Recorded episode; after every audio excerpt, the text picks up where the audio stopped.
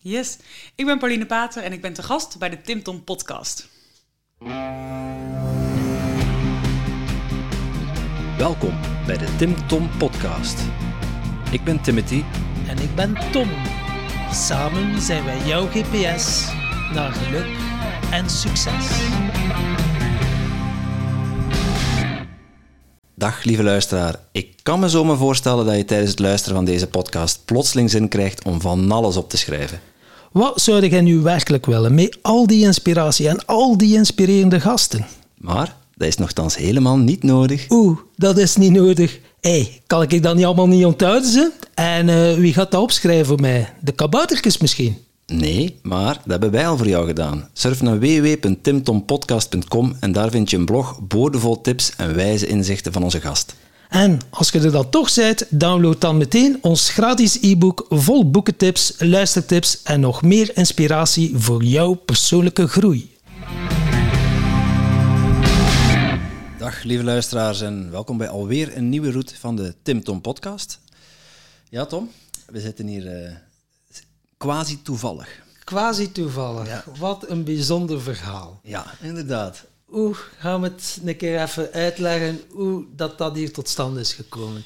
De ik had een, Inconvenient truth, hè, is het? ja, ik had een podcast gehoord met een zekere Paulien bij Thijs Lindhout over hechtingstijlen.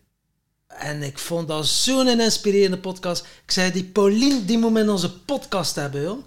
En ik zei, ja, Paulien, uiteindelijk op ER of zo, korte naam. En dan zei jij, ah, Pater. Ja, maar die, die zit in onze, op onze dingen, op ons Instagram. Ja, en jij zei ook, ah ja, ja, dat is, dat is, Ja, dat is. Paulien ik zeg, die had mij uitgenodigd voor Clubhouse. Het is eigenlijk wel mooi dat dat dan zo toevallig samenkomt. Ja, Eh, dus eh, laten we ze uitnodigen. Ik had Pauline een uitnodiging gestuurd. En toen zit om... Oeh. Een andere Paulien. Oei, het was Paulien Timmer. Dus, eh, ja.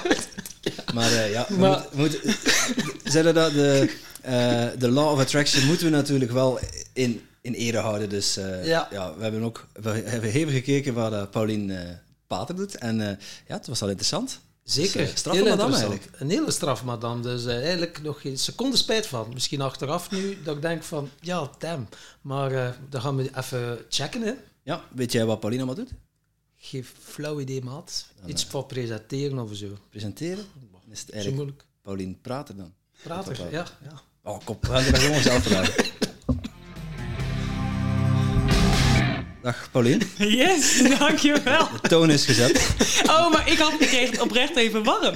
Want ik dacht, straks ga jij denken van mij dat ik allerlei dingen ga vertellen over hechtingstijlen. Ik weet er een beetje wat van, maar ik dacht, ik, ik kom niet ver. Ik heb niet bij Thijs. Lind Hadden we uitgezeten. Ja, ja, ja. Dat is mooi geweest als je niks had gezegd en dat ik dan hier een soort van... ehm, ja. Dus zo is het eigenlijk allemaal ontstaan. Zie. Ja, Ja, want ik was al verrast dat je, dat je dacht, oh, we willen je te gast hebben. Toen dacht ik, oh, wat leuk. Ik dacht, nou, let's go. Maar ik was inderdaad wel benieuwd van hoe kwam je bij mij terecht? Ja, Ja, weet zagen we ook wel, dan zagen we ook wel dat je coach bent bij Tibor Olgers en wat dat je allemaal doet, dan dachten we, ja, dat is wel materiaal voor in de Tim Tom podcast. Ja, ja. Dus eh, ja, Ja. want ja, origineel hadden we je uitgespro- eh, uitgenodigd voor de zomertour. Toen, Ja. eh, toen was je op vakantie, denk ik. Ja. En ja, we vonden het wel de moeite om, om nog even langs hier te komen. Ja. Ja, ik vind het vet leuk dat jullie er zijn. ja, Ja, ik ben benieuwd of ik dat over een uur nog zeg, maar eh, voor nu helemaal leuk. Waarschijnlijk zeg je dan helemaal andere dingen. Ja, precies. Ja. Maar wij beginnen ons interview eigenlijk altijd met de vraag van de vorige gast. Oh, ja. Dat was eh, Pieter Loridon. ja, een grote Ja. meneer, ja, een ex-basketballer, dus meer dan twee meter. Nee, die paste En- niet door de deur. Nee. en eh, die had een inspirerende vraag voor jou. Ja. En wacht zo, wat was het nu weer? In hoeverre ben je er bewust van dat ze ons loom, dik en lam houden? Oh, in hoeverre ben ik me daar bewust van? Nou, ehm, ja, ik zie dat wel. Tenminste, ja. Ik, eh, als ik naar de supermarkt ga of zo, dan zie ik ook wel wat er bijvoorbeeld bij anderen op hun band ligt, wat ze erop leggen. Dus ja, ik ben daar wel eh, bewust mee, in de zin van bewust mee bezig, dat ik gewoon denk van oké, eh, het is gewoon heel belangrijk dat je heel goed eet, goed beweegt en eh, omgaat met mensen die je heel erg leuk vindt en regelmatig even de tijd neemt om tot rust te komen, zodat je niet loom, dik en lam wordt. Ja. En ja, dus niet te veel op die telefoon ook. Terwijl ik wel merk dat ik daar ook echt veel op zit hoor. Maar eh, En Ja. ben jij zo opgevoed door je ouders, altijd die gezonde voeding, of heb je dat zelf mogen ontdekken? Eh, nee, ik ben ook wel zo opgevoed, want ik, eh, ik kom echt van het platteland. Dus mijn ouders, die, ik had bijvoorbeeld, wij hadden thuis ook geen tv. Dus ja, als we leuke dingen wilden doen, dan moesten we naar buiten. Of ik las een boek, zeg maar dat soort dingen. Ehm, en ja, we aten altijd gewoon aardappels, groente, vlees. Ja, dat is in Nederland echt, zeg maar, heel typisch het platteland. En dan eet je dat. Ik weet echt nog, toen ik heel jong was, dat mijn ouders zelfs nog tussen de middag warm aten. Dus Ja. dan kwam mijn vader ook thuis uit zijn werk om tussen de middag dan thuis warm te komen eten. En Mhm. eh, ja, dat aten we dan. En we waren, ik was gewoon heel veel buiten als kind ook. Maar ja, eh, ja en we hadden dus geen tv. Dus je, je werd niet echt... Ja, je moest gewoon zelf iets bedenken. Want anders dan... eh, Mhm. ja, wat ging je anders doen? Nou, dus het niet echt een typisch plattelandsmeisje voor ons. nee, Nee. niet? Nee, toch niet? Alhoewel, Nee. ja, aan die klompen we Ja, toch die, zeggen. klomp, die klompen had ik niet aan moeten trekken. Dat verraadt natuurlijk alles. Ja, ongelooflijk. Ja, nee, het is, het is er ook wel uitgegaan. Ja, ehm, ja, uiteindelijk ben ik gewoon naar de stad gegaan. Omdat ik zoiets had van, eh, ik wilde gewoon graag meer. En ik merkte ook heel erg in, in het dorp, zeg maar, ons kent ons was dat ook heel erg. Dus eh, nou, ik kwam ook uit een heel groot gezin. Dus dan was je altijd één van, van de velen. En dat ik op een gegeven moment zoiets had van... ja, ik wil gewoon eruit. Ik wil gewoon nieuwe mensen ontmoeten die ik dan zelf heb gekozen. En ik heb zin in avontuur. En eh, ik heb zin om mensen te ontmoeten die heel anders denken dan ik. Dus eh, ja, toen ben ik op een gegeven moment ja, doorgegaan. Dus toen dacht ik, ik ga gewoon naar de stad. Dus toen in mijn studententijd ja, ben ik eens in Utrecht gaan wonen. Dus dat... En dan daarna ben ik, eh, ook heb ik ook nog een tijdje in Antwerpen gewoond trouwens. Oké. Een master daar gedaan. Kijk. Ja, ik heb bijvoorbeeld één keer mijn scriptie geschreven in Zuid-Afrika en één keer in Portugal. Dus dat, Wow. ja, ik, op een gegeven moment, ik was gewoon al wel heel jong dat ik zoiets had, ik moet hier uit. Ik wil weg. Ehm, en ik weet ook echt wel toen ik, ik was toen echt 18 of zo. En toen wilde ik altijd al vliegen. Ik wilde naar buitenland. En ik was dus net, net 18 geworden en dan kan je ook zelf een vlucht boeken enzovoorts. Dus ik dacht, nou weet je wat, ik ga lekker naar Engeland en ik ga daar drie dagen in mijn eentje zitten. Maar ja, ik keek dus amper tv, dus ik sprak geen woord Engels. Of tenminste een paar woorden, hi, how are you? En dat was het een beetje. Dus ik ging naar een land waar ik de taal eigenlijk helemaal niet goed sprak. En ik had eigenlijk heel weinig kennis. Dus ik weet nog dat ik daar uit het vliegtuig stapte in mijn eentje. Dat ik in dat hotel aankwam. En dat ik echt dacht, ja, wat ga ik hier nou eigenlijk doen? En toen, ja, ben ik daar, ik zat in, in Londen, Luton zat ik. En toen ben ik gewoon drie dagen lang daar gebleven. Nou, er is daar echt helemaal niks te beleven. Maar gewoon simpelweg omdat ik soort van niet, even niet meer wist hoe ik naar iets, naar, naar de stad moest en eh, dat soort dingen. Omdat, eh, Bewust de zon vermeden of zo. Ja, dan denk ik zo, ja, je gaat dan naar het goed weer of zo. Nee, dan Ja. denk ik Engeland. 300 dagen per jaar dat regent. Ja, nou, maar ik had ook bedacht, ik, ja, ik had dus nog nooit gevlogen. En ik dacht, Engeland is maar een uurtje. Dus als ik het dat vliegen dan helemaal niks vind, dan hoef ik gelukkig maar een uurtje. Oké. Dus dat, eh, ja. Ja, heel grappig hoe je hoofd van werkt. Even terug op de vraag van, eh, van Pieter. Want je zegt van, ik ben daar bewust mee, eh, mee opgevoed. Ja, nou niet, niet zo dat mijn ouders zeiden van anders word je loom, dik en lelijk. Eh, of nee, dat was het niet. Loom, dik, Dik en... lam. Lam, ja. Dat was ook, was ook een L. Ja. ja, precies. Ehm, nee, de- ik denk dat het gewoon heel erg eh, ook matchte met wat zij vinden, zeg maar, hoe je zou moeten leven. Dus dat zij nu achteraf, als ze dit horen, dan zeggen ze ja, nou, eh, loom of eh, hè, lui. Nee, natuurlijk niet. Je moet gewoon werken, zeg maar. Mijn ouders zijn heel, eh, heel christelijk ook. Dus die leven heel erg vanuit die principes ook, dat je dus dan ja, heel goed voor jezelf zorgt en ook echt iets bijdraagt aan de maatschappij. Maar veel buiten zijn, veel bewegen, degelijke maaltijden. Hoe Ja. vertaalt ik zich dat in je huidige leven? Eh, nou, ik ben wel veel minder buiten natuurlijk. Ik heb wel als doel, maar dat haal ik ook echt heel vaak niet, 10.000 stappen per dag. En dan weer of geen weer, dat ik gewoon wel echt naar buiten ga. Dus als het dan regent, prima, maar gewoon paraplu mee. Dus dat heb ik wel. Eh, en qua gezond, ja, ik eet wel vrij gezond. Dus ik, ehm, ik mag bijvoorbeeld geen gluten, geen soja en geen lactose. Dus ja, dan heel veel koekjes, snoepjes en dat soort dingen, dat mag je al niet. Dus Omdat dan, je eh, intolerant bent? Of? ja. Ja.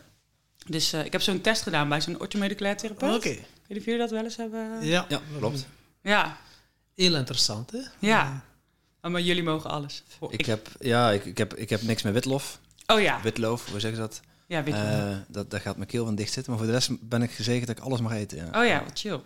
Ja. Nou, je, je merkt wel, de ene dingen ga je beter op als bij andere dingen. En dan onze orthomoleculair specialist, die eh, is ook KPNI-deskundige. dus die dat is met zo'n zo kinetisch, zeg maar, dat je je arm moet uitstrekken. En dat, eh, Kinesiologisch. kinesiologisch. Ik, Ja. vergeet, ik vergeet het altijd. Ja, ja, ja, ja, ja. Het is ook Gaat nooit zo'n woord. Dat je denkt, eh, ik hoop dat ik niet hoef te spellen. Oh nee, laat het. Ja, ik kon het ja, niet- ik kon het niet eens uitspreken. Nee. Maar het is wel heel bijzonder, want dan, ja, dan leer je gewoon van... eh, ja, kijk, dit, dit, die plekken in je lichaam hebben aandacht nodig. Eh, daar horen deze voedingswaarden bij. Oh ja. Eh, en je- ik merk ook bij mezelf bijvoorbeeld, eh, ik ga niet zo goed op brood, terwijl ik het wel heel lekker Oh ja. vind. Ik heb net straks voor broodjes voor je wel. Oh, Ja, ik had gevraagd wat jullie eh prima. eten. Ja. Alleen als ik dat te veel zeg maar, is, af en toe is dat prima. Eh, Ja. Maar als ik, en normaal, en dat is, zij zegt van eh, drie keer per dag eten, aardappel, groente, vlees. Ik ben, kom ook van het platteland. Oh ja, ja, En dan is het dan eh, s ochtends boterhammen en eh, s smiddags boterham of, of s'avonds. hè. ja, Eh, maar boot- brood, brood, brood, brood. En aardappelen. Ja. ja. Ik merk Ja. gewoon dat mijn lichaam dat niet verteert. Nee. Jij werd er moe van? Of, eh? Ja, nou, ik, eh, ik had op een gegeven moment, het was eigenlijk een beetje deze zomer, dat ik gewoon op een gegeven moment merkte dat, dat mijn energie niet heel hoog zat. Nou, en op zich, ik heb best wel heel veel energie van mezelf. Dus mensen denken dan, nou, jouw energie niet hoog, jij hebt energie te over. Maar ik dacht, ja, ik voel me gewoon niet helemaal top. En eh, ik dacht, nou, wat als ik nou eens gewoon eens een keer ga kijken naar mijn, wat ik eet enzovoorts. Dus toen ben ik naar zo'n orthomoleculair therapeut gegaan. En die zei toen van, nou, hè, die heeft dan bloed afgenomen. En die zei toen van, oh ja, die- dit kan je gewoon beter niet eten. En ik heb dus ook een heel hoog eh dopaminegehalte. Dus ja, en dat verklaart ook al waarom ik dus vaak heel geanimeerd praat. Of eh, eh, ja, ook altijd aansta. Dus als ik in een ruimte ben, dan, ja, dan, dan sta ik gewoon helemaal open.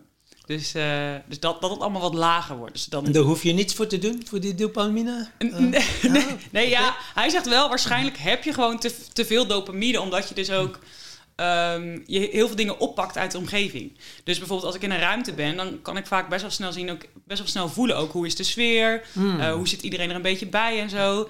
Ehm, en daar, ik ga daar dan wat mee doen, maar dat hoeft natuurlijk niet. Ik kan ook gewoon bedenken, oké, dit is er en eh, ik laat dit zo, zeg maar. Ik sluit mezelf dan eigenlijk op een bepaalde manier af. Terwijl ik juist eerder dan dat, eh, ja, ik ga daar wat mee doen. Ik denk, oh, hè, mensen hebben het helemaal niet zo fijn hier. Kom, we gaan even de boel een beetje opleuken. Ja, dat is echt Ja. natuurlijk heel, heel leuk. Maar als je dat altijd doet, dan is dat super vermoeiend. Ja, Dus vooral, jij noemt het vooral als je als- een begrafenis bent. is het- Ja, ja kom op, we gaan de boel even een beetje opleuken, jongens. Ja. Dus, dus jij labelt het als eh, te veel dopamine en een andere zou zeggen, ja, ik heb HSP. Ehm, ja, dat kan ook. Maar ik denk soms wel eens dat, ehm, dat iedereen op een bepaalde manier HSP heeft. Omdat eh, ik denk juist door de maatschappij waarin we nu leven, dat je heel erg. Alles moet zo rationeel dat je dat gevoelstukje eigenlijk niet echt meekrijgt in, in je ontwikkeling. En waardoor dat helemaal afstond.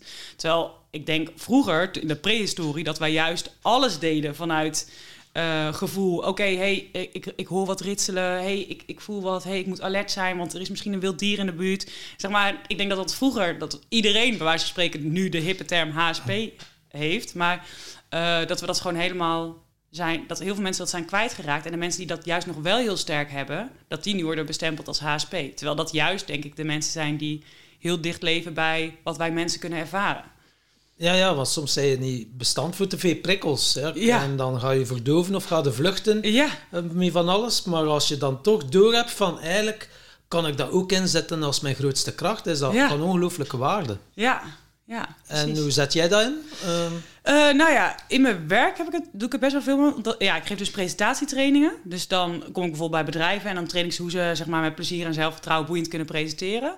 Eh, en vaak eh, gaat het dan verder dan alleen maar tips en trucs, maar ook heel erg van: hey, ik zie dat je dit doet. Welke overtuiging zit daaronder? Nou, bijvoorbeeld, ik had vanochtend nog een, een gesprek met iemand en die was altijd zeg maar ehm, ging die veel te veel informatie delen, waardoor die helemaal verzandde in details. Want toen gingen we daarop doorvragen en toen kwam het er eigenlijk op neer van ja, ik voel me eigenlijk altijd heel erg verantwoordelijk voor, eh, voor de informatie die ik geef, dat het wel echt goed genoeg moet zijn. Dus ergens geloof ik dat ik nog niet goed genoeg ben en daardoor ga ik over eh, deliveren, zeg maar. Ja. Dus en eh, daar, kom ik denk, daar kom ik door, door zeg maar echt heel erg gewoon even te kijken van oké, maar wat, wat zie ik bij je? Wat, wat, welke energie komt er van jou vandaan? En ehm, ja, dat je dan zeg maar, dus op die manier gezet ik het wel echt in als kracht. En ook, ja, kijk, eh, ik, net zoals wat je zegt, soms kom je gewoon op een feestje of zo en is het gewoon niet zo, ja, is het niet per se heel bruisend. En dan zet ik het ook gewoon in. Dan denk ik, ja, hup, kom, we gaan er gewoon een leuke boel van maken. En de, de muziek aanzetten en eh, hè, let's go. Eh, of als er bijvoorbeeld, als ik ergens merk van, nou, je komt een ruimte binnen en eh, je weet gewoon dat er in deze groep een bepaald conflict is of iets, maar het wordt niet, niet benoemd. Ja, dan ben ik ook wel iemand die toch, dat ik dat aanvoel, dat ik het toch benoem van, joh jongens, is er iets waar we over, moet, over moeten hebben? Want ik heb het idee dat het hier niet lekker loopt. Ziet hier niemand die olifant op tafel? Ja, precies, precies. Dus, dus dat, ja, en dat vind ik wel echt mijn kracht ook. Het, Ja. het wordt mijn valkuil op het moment dat ik zeg maar ehm, niet de energie heb, maar het wel ga geven. Want dan raak ik leeg, zeg maar. Dus dan, ja, en dan raak je natuurlijk helemaal uit balans. En zegt, dan raak ik leeg, raak ik helemaal uit balans. Ervaring mee?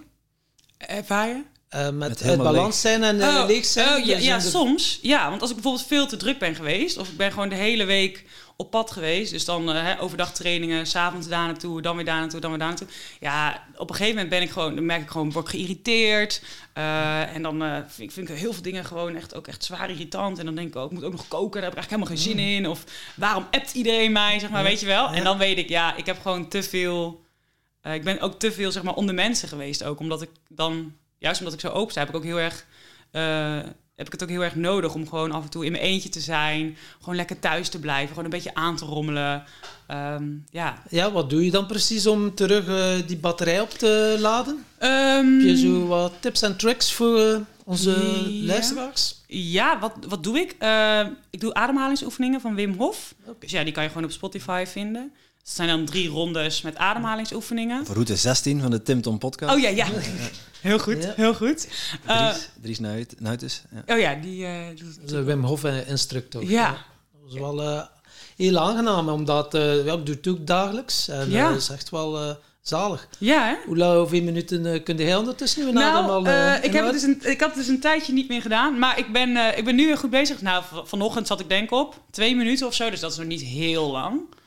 Maar ja, dus dan hou je, hou je dus twee minuten je adem in. En nu Het denk is je... geen wedstrijd, hè? Nee, nee, Het is nee, maar toch... hè, Maar het competitief is... ja, ja, eh, ja, ja, ja. Want hoe lang kan jij? Ik heb nu afgeklopt op 4 minuten en 10. Oh, wauw. Ja. Zo, en hoe lang doe je het al? Eh, van wanneer hebben we die eerste podcast gedaan? Vorig jaar eigenlijk, ja. Oh, netjes. Maar het is wel raar. Dus dat is twee Tijdje weken geleden. geweest. Twee weken geleden die 4 minuten en 10. En dan denkt je dat dat crescendo hoger en hoger gaat. Maar nu geraak ik er niet meer aan 4 minuten. Nu zit ik weer aan 3 minuten en Oh. lukt het niet. Dus ik weet niet aan wat dat ligt. Ja. En, eh, maar ik heb het ook losgelaten. Eh, want ja, op den duur kun je eigen zo zot of een top Ja, maken. en dat, dat is ook vermoeiend, hè? Dan werkt het is- ook niet meer ontspannend. Nee, Dan voilà. vermoed je weer van alles van Ja, klopt Ja, inderdaad. ja. En jij, hoeveel minuten kan jij? Ik heb vanmorgen, ik doe vijf rondjes. Van de vijf heb ik er drie, Oh. drie boven de vier minuten. Wauw.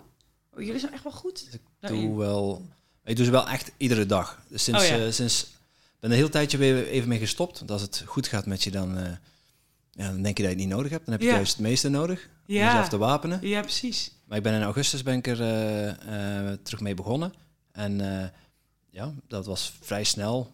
Ja, anderhalf minuut, twee minuten is... Dat, daar zit je al heel makkelijk aan als je een paar rondjes doet. En mensen die dat nooit gedaan hebben, die zullen ook versteld zijn van zichzelf. Ja.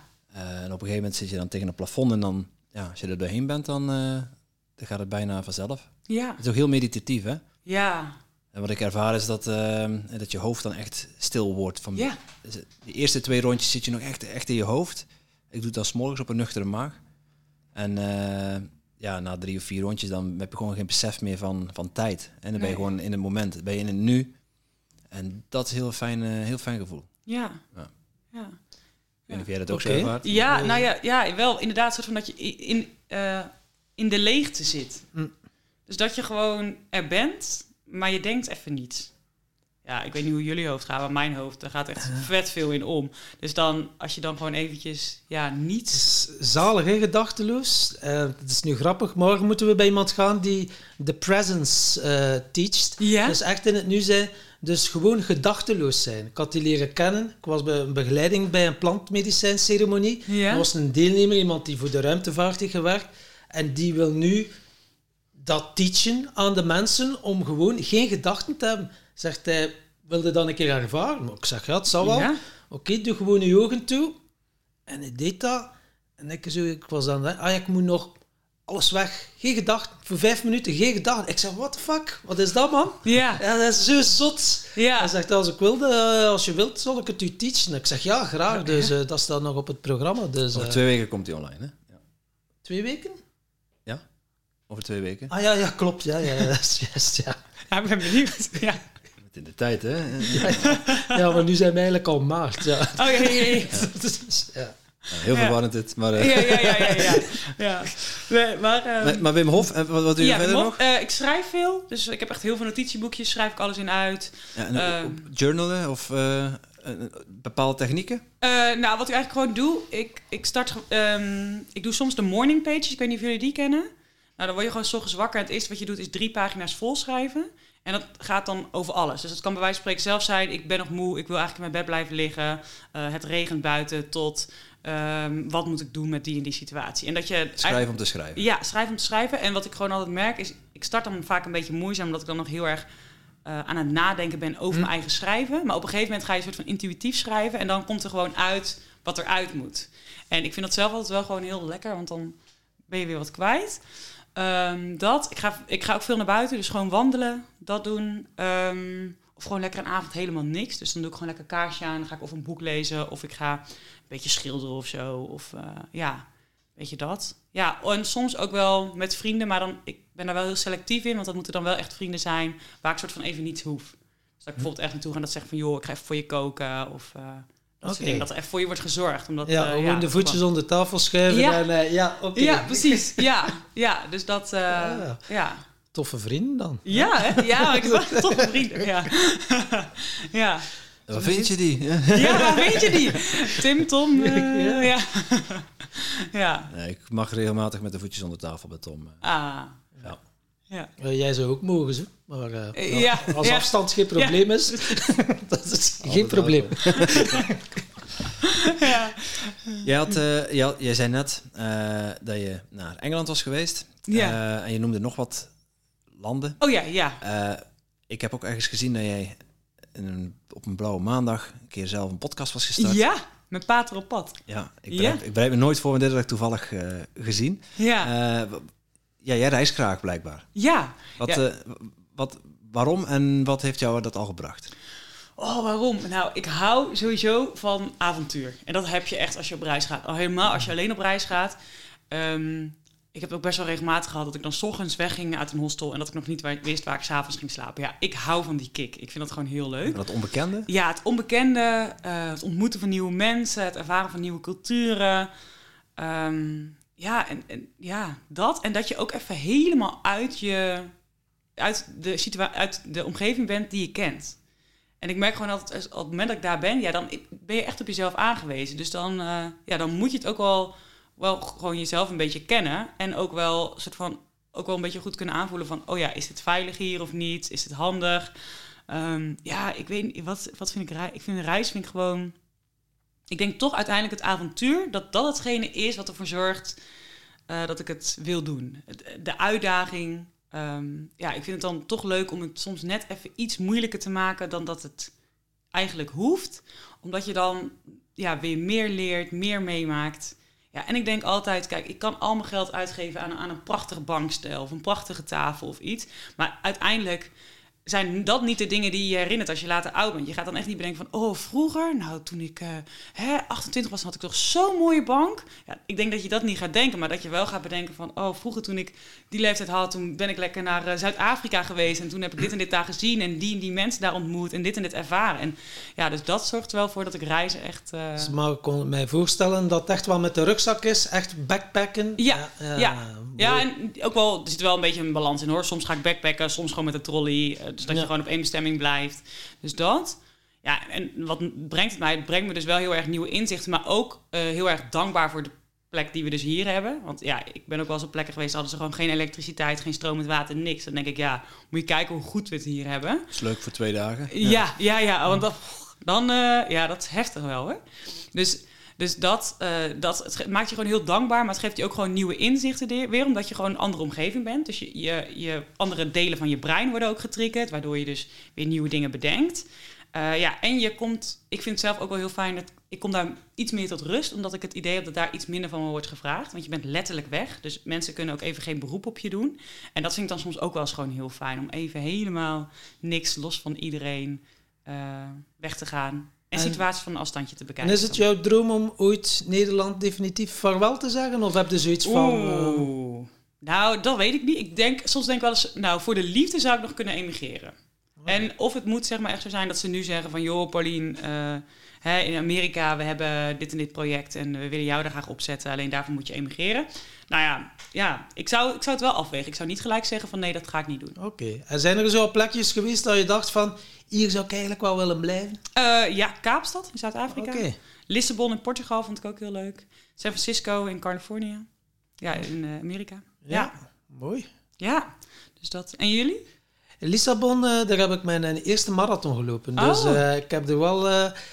eh, ik had een beetje te weinig vooronderzoek gedaan, want het is er nogal redelijk bergop, hè. Ja, ja, was ja, een van ja, de zwaarste marathons. Daar komt daar af. Zo. Ja, dat, dat ik dacht, ik, oh my god. Ja. Ja. eh, Ve- dat- 40, 41 kilometer is dat dan toch? 42 en 185 meter. Ja. Over, door Lissabon.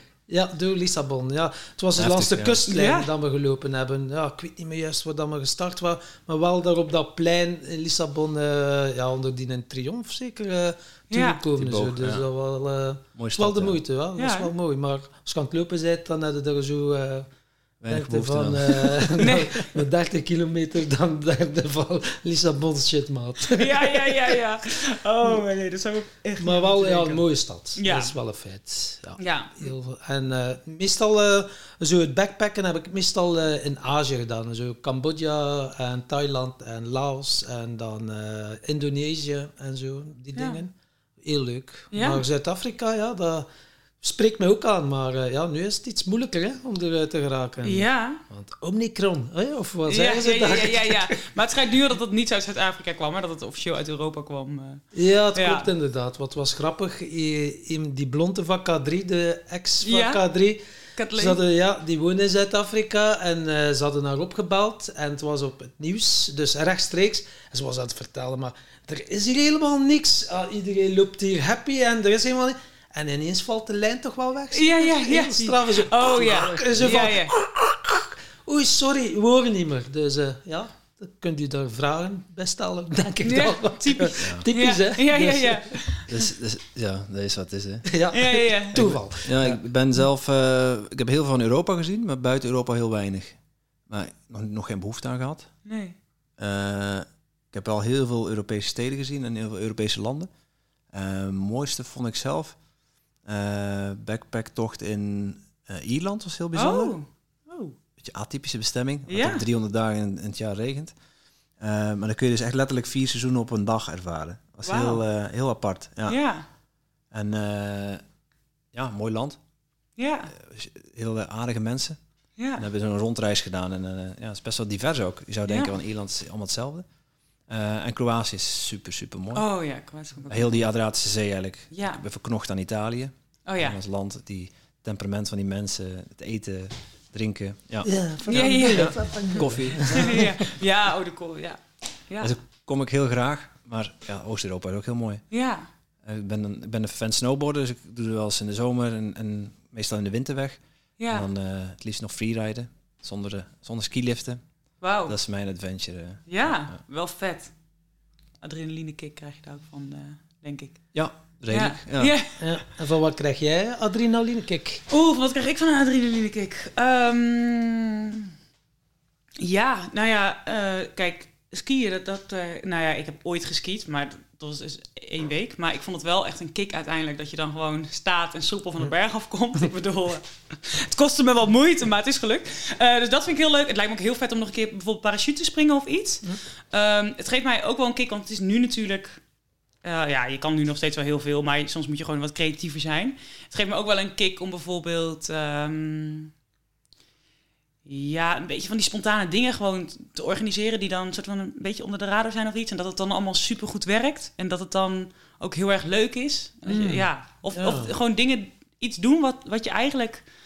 eh, waarvan je eigenlijk weet van... oeh, ja, ik ben daar net klaar voor. Of net eigenlijk niet helemaal. Dus dat je echt uit je comfortzone gaat. En je doet het dan wel en het lukt. Ja, dan, daar krijg ik ook echt een kick van. En dan heb, je- heb je, want je zei net Wim Hof ademhaling, maar heb je al Ja. in het ijsbad gezeten ook? Ja, ja, ja be- best wel vaak ook wel. Ehm, Want- ja, gewoon. Ja, dat is ook Ja, wel... eh, ook, daar krijg je ook een kick van. De eerste keer, tenminste de tweede, tweede keer ook nog, eh, de Ja. derde keer, de vierde keer ook nog. Maar eh, als je er de eerste keer in gaat, is het, wel, het is wel spannend. Ja, Ja. ja dus, dus dat, ehm, dat inderdaad, daar sowieso. Want, en daarna ben, ben ik ook helemaal high on energy. Dus dan, dan ben ik echt, dan jumping door, door de ruimte. Mensen denken, wat moeten we met jou aan? Ja, ja.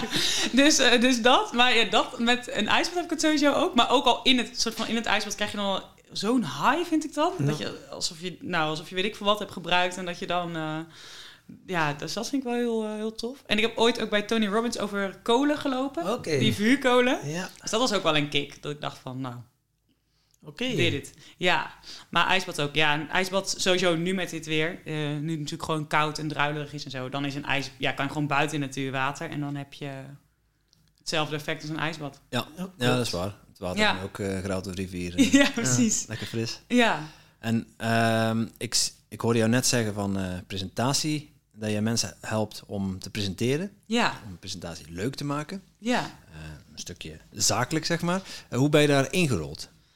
Ehm, ja, eh, even kijken. Nou, het is sowieso wel gestart dat ik vroeger altijd wel dacht van... oh, het lijkt me echt leuk om voor groepen te staan. Maar ja, ik was ook toen echt nog wel een ongeleid projectiel. Dus als ik voor een groep stond, dan was het echt wel ter vermaak. Maar dat- Vroeger, dat is 1940. Eh, Ja, 1940, eh, net voor de oorlog. ja, dat is, nee, dat is denk ik ehm, 2000 of zo. Hoe oud was ik toen? Nou ja, eh, zeven. Nou, dat is, wel heel vroeg trouwens.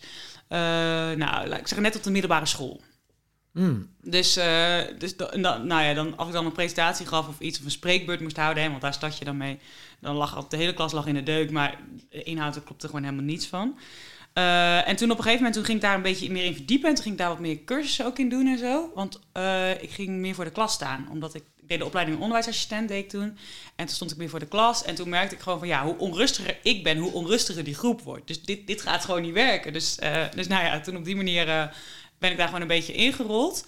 Alleen eh onderwijsassistent, dat, dat was niet voor mij, dat, dat paste niet heel goed. Dus toen ben ik maatschappelijk werk en dienstverlening gaan doen. Dat me het heel leuk leek om met jongeren te gaan werken die eigenlijk worden gezien als, ja, soort van dat ze mislukt zijn voor de samenleving. Terwijl ik juist heel erg geloof van nee, die zijn gewoon verkeerd aangepakt en er zit juist heel veel uitdaging in en die eh, mogen door. Dus toen, eh, toen ben ik daarmee mee, eh, mee aan de slag gegaan. En toen werd ik al heel vaak gevraagd van... joh, wil je even een presentatie geven? Of wil je even met me meekijken naar mijn presentatie? Wil je mijn feedback geven? Maar ja, toen had ik nog steeds niet door dat dit misschien wel hetgene zou kunnen zijn... waar ik zeg maar mijn baan van zou kunnen maken. Dus uiteindelijk ben ik bij HALT gaan werken. Ik weet niet of jullie dat kennen. Ja, bureau halt. Ja, ja het heet nu Stichting HALT. Maar eh, vroeger heette het bureau Proble- HALT inderdaad. probleemjongeren te helpen. Ja, precies. En eh, toen was het ook best wel... Nou, toen zat je gewoon met jongeren en ouders aan tafel. Oké, hoe kunnen we ervoor zorgen dat dit niet nog een keer gebeurt? Dus waar komt het vandaan en hoe kunnen we daarvoor zorgen? En, eh, maar ja, toen uiteindelijk werd ik weer best wel regelmatig gevraagd bij gemeentes... of ik even wat wilde vertellen over jeugdcriminaliteit en dat soort dingen. En toen dacht ik, ja, ik vind dat zakelijke toch leuker dan het hele maatschappelijke. Ook omdat het, ja, paste gewoon, het zakelijke paste er gewoon wel beter bij mij. Omdat ik dan vaak ook bij, bij- een organisatie zat en, dan, zat en dan dacht ik... oh, maar dit kan beter, dat kan beter. En ik vond het heel leuk om daarin mee te denken. Dus toen ben ik in Antwerpen gaan studeren, International Management.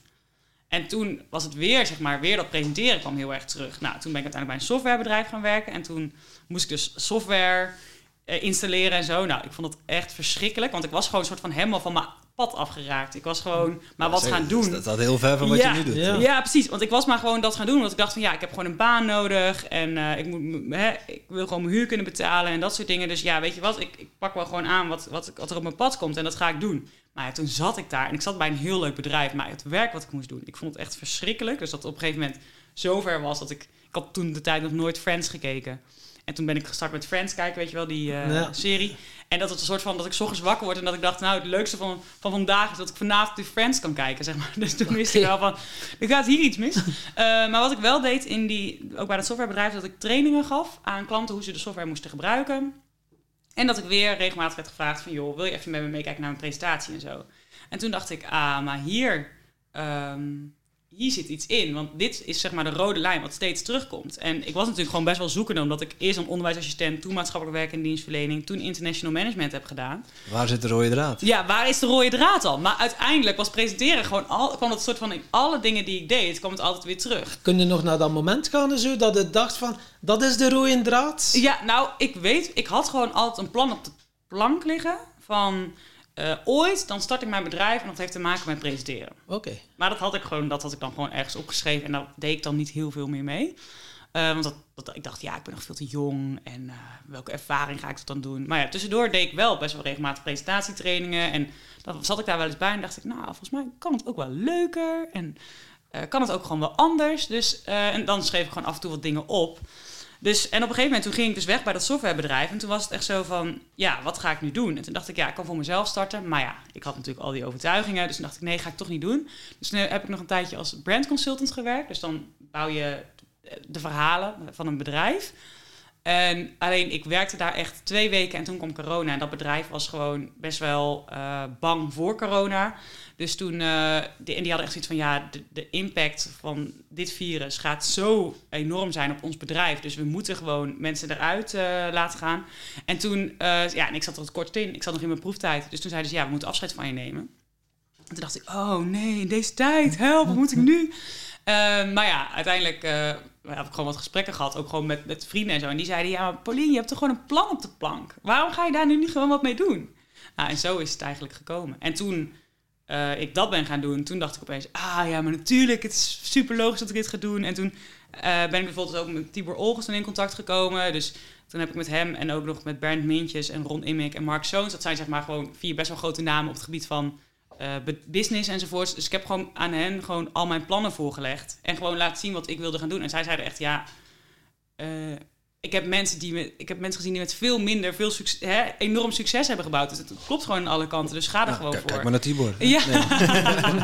Laten we Hij komt ook nog in onze podcast. ja, ja, ja, dus, ja, eh, ja. Ja, dus, dus op die manier. te- en toen, ja, toen ben ik gewoon gegaan. En sindsdien, eh, ja, Blijf er Gaat gaan. goed. Ja. ja, ik vind het heel leuk. En eh, kan iedereen presenteren? Ja, iedereen kan Ja? presteren. Ja? want het is een vaardigheid. En vaardigheid kan je leren. Het is wel zo dat er, eh, de een daar soms meer moeite mee heeft dan de ander. Maar 30% van presenteren is aangeboren en 70% is aangeleerd. Oké. Dus ja, die 70%, dat kan Ja. iedereen. Ja, Wat kan bijvoorbeeld, als er voor publiek komt, ja, meestal het zijn mensen die liever nog sterven dan dan ze voor het publiek moeten spreken. Ja. Er is zo een keer onderzoek geweest.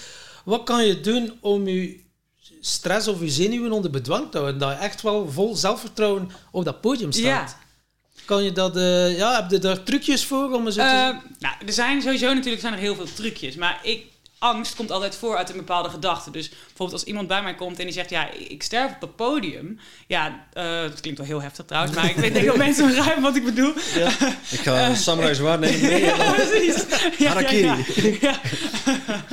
Maar- ik zie het helemaal voor me. Eh, maar ehm, ja, dan, ga ik eerst gewoon heel erg kijken. Maar hoe kan dat? Welke angst zit daaronder? Welke overtuigingen? Want ik kan jou allemaal trucjes geven. En dat gaat deels werken. Maar als jij niet de bron aanpakt, ja, dan is het heel leuk. Maar dan... Bang om uitgelachen te worden, Ja, bijvoorbeeld. Ja, nou, hoe komt dat? En dan komt het soms naar voren van, nou, eh, hè, ik werd vroeger bijvoorbeeld niet geaccepteerd door de groep. Of ik werd heel erg eh, uitgelachen door mijn klasgenoten. Eh, ik, ik heb gewoon het idee dat ik, als ik voor de groep ga staan, dat iedereen me dan beoordeelt. Dat iedereen wat van me vindt. Dat ik niet meer bij de groep hoor. Ja, en wij mensen, wij hebben drie basisangsten. Zeg maar, ik ben niet geliefd. Ik ben niet goed genoeg. En, ehm, wat was de laatste nou? Ehm, ik word niet gezien. Ik ben, Zou- ben je niet gezien kunnen. of ik ben Iedereen- het niet waard. Ja, zo, ja, ja, ja. Dus ik ben niet ben waar, bang ik wel aan, ik ben niet goed genoeg. Ja. Ja, ja, ja. Dus, ehm, en als je die overtuiging soort van aan kan pakken, dan ga je op het moment dat jij ervan overtuigd bent, oké, wat ik kom brengen is gewoon heel goed. En ik, ik, ik hoe, zeg maar, om goed te presenteren moet ik ook vooral gewoon mezelf zijn. En ik ben goed genoeg. Ja, dan ga je al van, veel meer vanuit eh, overvloed en nadenken, zeg maar. eh, ja, gewoon veel meer vanuit die positieve gedachtegang daar op het podium staan. En kijk, je kan natuurlijk altijd, nou hè, zorg gewoon dat je een buikademhaling hebt. Dus ga gewoon lekker een paar keer in diep zuchten. Of eh, doe de power pose. Of ga even naar jezelf lachen in de Ja. spiegel. Eh, nou, dat zijn allerlei dingen die je, zeg maar, slimme trucjes die je even kan doen met je lijf. Om je brein te laten weten dat het veilig is. Of je dat ook wel eens wordt gezegd, hoe dat je echt voelt. Wow, als je staat, oh, ik voel me eigenlijk wel een beetje zenuwachtig. Door het uit te spreken, kan het ook verdwijnen. dat kan Eh, ook, ja. hoorde je ook wel af zeggen. Ja, dat kan. En zo, als op het moment dat je bijvoorbeeld echt op het podium staat en, en je, je, je slaat dicht, dan, dan zou je inderdaad kunnen zeggen van joh, ik, ik ben even zenuwachtig, dus, of ik ben even de draad kwijt. Ehm, dus soms helpt het om het ja. uit te spreken. Maar ja, ik, ik ben er ook altijd wel van, van nou, probeer het dan op een soepele manier. Ik had pas bijvoorbeeld iemand die zei, eh, die moest iets presenteren. En dat had, dat was had om te maken met eh, psychiatrische ouderen. En het was een heel gevoelig verhaal, ook met heel veel emotie. Toen zei ze, ja, ik weet gewoon zeker dat ik daar sta gaan huilen, sta huilen op het podium. En ik, en ik, ik wil dat niet. Eh, maar ze zegt, ik weet zeker dat die hele zaal ook gaat huilen. Ja, en dan is het juist heel mooi. Want dat betekent dus dat je heel, heel erg in verbinding bent met de zaal, met je, met je zelf ook. Dus toen, dan zeg ik ook wel tegen haar van nou, zeg gewoon bij het begin al van nou, ik weet waar ik het over ga hebben en het raakt me enorm. Dus waarschijnlijk ga ik huilen, maar jullie waarschijnlijk ook. Zeg maar, en dan heb je het al Ja. allemaal Waar zijn gezegd. za- maar waar zijn de zoutjes? Ja, ja, ja, precies. Maar dan is het op een hele speelse en hele Ja. open manier. En dan maakt het ook helemaal niet groot voor jezelf. En waarschijnlijk wordt er dan even gelachen. Nou, je triggert ook even emotie bij het publiek. Het publiek voelt zich daardoor ook meer verbonden met jou. Dus dan, ja, die manier. eh, En eh, ja, bij mij helpt meestal ook ergens iets moet zeggen voor het publiek, starten met een grapje. ja, Voor ja, het ijs te breken. ja, ja, dat is voor mij, en dan voel ik mij in mijn comfortzone. Ja. En dat is dan wel, dan voel ik mij in mijn element uiteindelijk. En dan gaat het ook wel vanzelf. Dan Ja. kun je het eh, ook loslaten. En wie is jouw eh, grote voorbeeld of jouw rolmodel van presenteren? Of heb je het allemaal van nature uitgeleerd? Eh, nou, nee, ik kom zo, want ik uh, even inhaken op wat je net zei over dat lachen bijvoorbeeld, dat je een grapje maakt. Want als wij aan het lachen zijn, als we lachen, dan zijn we in de meest ontspannen staat. Dus daarom zei ik net ook van, nou, ga even naar jezelf glimlachen in de spiegel, want dan eh, laat je soort van weten dat je helemaal kan ontspannen. Dus op het moment dat jij een grapje maakt, ontspan jij, maar ontspant je publiek ook, waardoor iedereen zeg maar daar heel relaxed kan zitten en veel beter jouw boodschap kan verwerken ook. Dus dat. Ehm, ja, een spreker op. eh, ik vind Obama heel goed. Eh, die is, staat heel dicht bij zichzelf. Maar die, en die weet ook heel goed zeg maar, aan te sluiten bij het publiek. Dus dat vind ik, eh, vind ik heel goed. Ehm, nou, ik heb vorige, vorig jaar heb ik een online seminar gevolgd van Tony Robbins. Die had ik al een keer offline gedaan, maar die heb ik toen nog een keer online gedaan. En ik vind hem ook echt heel goed in iedereen meenemen. Maar ook online presenteren is weer zeg maar, een andere tak van sport. Dus je moet veel meer interactie toevoegen en zo. En hij doet het echt briljant. Dus dat... eh, ja, dat is... Eh, eh, dus niet alleen online briljant, maar ook op... ja, offline ook. Ja, zo. Ja, je kan echt zeg maar uren naar hem luisteren, toch? ja.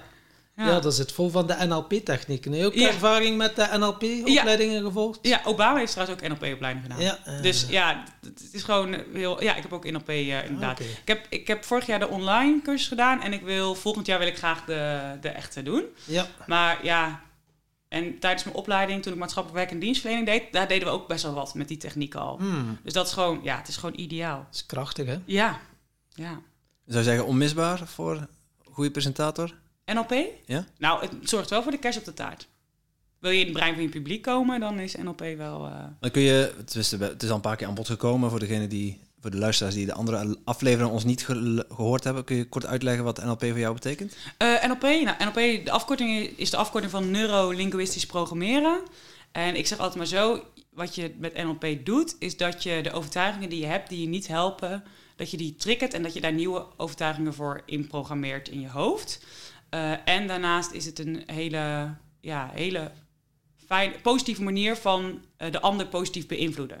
Dus het is niet, ja, je kan het ook natuurlijk negatief gebruiken, maar ja. Ja. het, het is wel een soort van code dat je het op de juiste manier eh, In plaats van manipuleren is het Ja. manipu helpen. Filip- Ja, ja, ja, precies. Ja, ja, ja. Ja, dus een uh, Duitse Geubels die was er heel goed in blijkbaar. Ja? Ja, oh, nou, woe, hoe noem je je naam? Ja. Ja, moet Nee, wel van hier het op is- letten met zijn grapjes. Ja. eh, niet, niet altijd op even, even hoog niveau. Nee, dat is waar. Maar het is eh, het ja, primen. Primen van jezelf Ja. en primen van je publiek. Eigenlijk.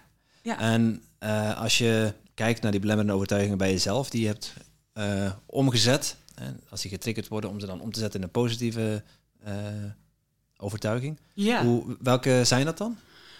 Eh, welke overtuiging? Poeh. Eh, nou, ik denk dat, dat je soort van, soort van... Soms denk ik wel eens dat ik mijn hele leven bezig blijf met de overtuigingen die ik heb weer te doorbreken. Omdat je altijd weer nieuw tegenkomt. Bijvoorbeeld toen ik mijn- net mijn bedrijf startte, toen dacht ik ook van... Nou, ben ik niet te jong of kan ik dit wel? Ja, en dan... eh, dus dat... Ehm, ja, ik, ik, ehm, die heb ik sowieso wel aangepakt. Ja, en ik twijfel, ik twijfel altijd nog wel. Ik denk van ja, ben ik, ben ik wel goed genoeg? Dus ik ben ook altijd heel veel bezig met zelfontwikkeling en dat soort dingen. Omdat ik soort van altijd weer beter kan. En ik weet gewoon voor mezelf dat, daar, eh, dat ik daar gewoon best wel over na mag denken. Van oké, in hoeverre lees ik dit boek omdat ik er echt wat van wil leren? Of lees ik dit boek omdat ik mezelf niet goed genoeg vind?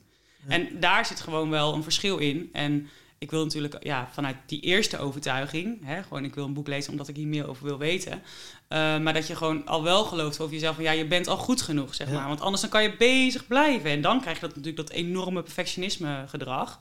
En dan zelfs het meest perfecte is dan nog niet goed genoeg. En de natuur maakt geen fout. Nee? We zijn Nee. allemaal perfect. En, Ja. eh, in Clubhouse, eh, zo dat platform, was er zo met Edwin Selei en eh, ja, ik werd op het podium geroepen en, en dan was ook zo van, ik ben niet goed genoeg, die overtuiging. Ja. En dan zei hij tegen mij, eh, als klein jongetje van een jaar en een half, vond jij jezelf dan goed genoeg? Ja. Ik zeg ja.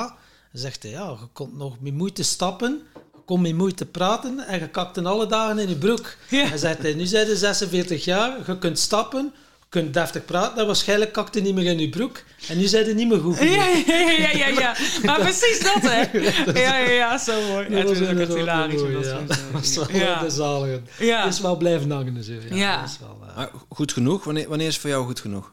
Goed genoeg? Ehm, nou, als er wel, ja, als ik gewoon wel, eh, nou, goed genoeg. Bijvoorbeeld een dag, als een, een dag is goed genoeg. Als ik aan het eind van de dag gewoon weet van, nou, hè, ik, heb, ik heb een goede dag gehad. Ik heb gedaan wat, wat er op me stond te wachten. Hè. Dus ik heb gewoon, ja, de taken gedaan die, die ik ook moest doen. Maar ik heb ook gewoon plezier gehad. En ik heb me ook gewoon wel op bepaalde momenten gewoon heel gelukkig gevoeld. Dus da- dan is voor mij wel dat ik denk van, nou, dat is een goed, goed genoeg. Maar ook een goed genoeg, de dag is ook echt goed genoeg, zeg maar. Maar dan oké, het inplannen, de taken. Veel mensen denken, ah, ik moet dat nog doen, dat nog doen. En zetten gewoon te veel taken, waardoor dat nooit goed genoeg is. Hoe plande jij uw agenda in? Eh, nee, ehm, ik weet, volgens mij is dat van Getting Things Done, volgens mij dat hij David dat. Allen. Ja, dus dat, dat je één, je hebt één taak, die moet sowieso die dag af. En dan drie taken die je die dag ook wil doen. En de rest is gewoon, als je daar tijd voor hebt, dan heb je mazzel. Dus dan heb ik gewoon, dus per dag soort van vier taken, dus aanhalingstekens, die ik wil doen. En dan de rest, dat is mooi meegenomen. Oké, ja. Ja, want anders inderdaad, wat je zegt, je kan bezig blijven. En dan helemaal, ja, als je het voor jezelf ook nog doet, dan die lijst stopt nooit. Ja, en prioriteiten stellen. Ja. Ja. want zeker als je dan alles interessant vindt, hoe maak jij dan keuzes van... Ja, wat kiezen is verliezen, hè? Ja, kies is verliezen. Ja, ja, ja. En het liefst kies ik dus niet. ja. Eh, eh, maar Niet, niet kiezen is ook kiezen. niet kiezen is ook kiezen. Ja, ja, daar hebben we het juist over gehad natuurlijk. Ehm, ja, ehm, ik doe wel eens dat Eisenhower, volgens mij is dat Eisenhower eh Dat matrix. kwadrant. Ja, dat kwadrant van- Belangrijk, dringend. Ja, belangrijk, dringend. ehm, Urgent, niet urgent. Ja, urgent, niet urgent. Dus dan heb je zeg maar vier stappen. Dus de eerste is eh, belangrijk en dringend. Die daarnaast is eh, niet belangrijk, wel dringend. Die daaronder is niet dringend, niet belangrijk. En die daaronder is eh, wel dringend, Niet- niet, belangrijk. Ja, zoiets. Of, Ja. de- of, dringend, eh, of niet dringend belangrijk. Ja, En dat tweede kwa- kwadrant is het belangrijkste uiteindelijk. Hè? Niet dringend belangrijk. Ja, ja, nou ja, sommige dingen dat is zijn... in de Seven Habits wordt dat toch mooi eh, van eh Stephen Covey wordt Oh. dat mooi Ja. gezegd. Dat eh, echt wel dat je vooral je in dat tweede kwadrant moet werken. Oh, de, je kracht. Ja, dat Ja, geloof ik. Ja, er je, echt je, je wel- goud zelfs. ja, ja, ja. ja je De- zone of gene. Ja, Ja, de Ja. dingen die belangrijk zijn, maar niet dringend zijn. Als je daarin werkt, dat je dan ook veel minder Ja. van belangrijk en dringend hebt en zo. hè. ja. Ja, dat geloof, dat, dat geloof ik sowieso inderdaad. Omdat dan dus wat je doet, dat wil je ook echt doen. Zonder dat daar Ja. druk op ligt. Ja, ja, ja. Ja. En dingen die heel dringend zijn en, en heel belangrijk zijn, dat zijn van die ad hoc, ad hoc, eh, ad hoc dingen die continu op je pad komen en die, eh, ja, waar je continu ballen aan het jong leren bent. Ja, ja. Dan wil er wel eens eentje vallen. Ja, precies. Ja, en ook ik, want ik zit ook altijd als ik dan in die uh, in het hokje kijk van wel belangrijk en urgent, dan zijn dat vaak van die administratieve dingen. Ja, Hm. dat, daar ligt niet mijn goud. Want dan Mhm. was ik wel, uh, weet ik veel, administrateur of iets geworden. Hm. Dus dat uh, is een goeie. Ja. Ja, dat is voor jou niet belangrijk dan. Nee. Nee, uiteindelijk wel belangrijk dat het gebeurt, maar Ja. niet dat ik het doe. Ah ja, delegeren dan. Ja, Dat is ja, ja. belangrijk. Ja, Ja. Ik, ik heb daar zelfs zo'n zinnetje voor van, moet ik dit, moet ik dit nu doen? Ja, En die kun je op verschillende manieren uitspreken, zodat je dan voor jezelf kunt zeggen van, eh, moet, moet ik dit nu doen? ja, Eh, Of kan het ook iemand anders zijn? ja. Moet, moet ik dit nu doen? Of zijn er andere dingen die belangrijk zijn die ik moet doen? Of moet ik dit nu doen? Is er dit het geschikte moment om het te doen? Ja. Of, of is er nog een ander geschikt moment?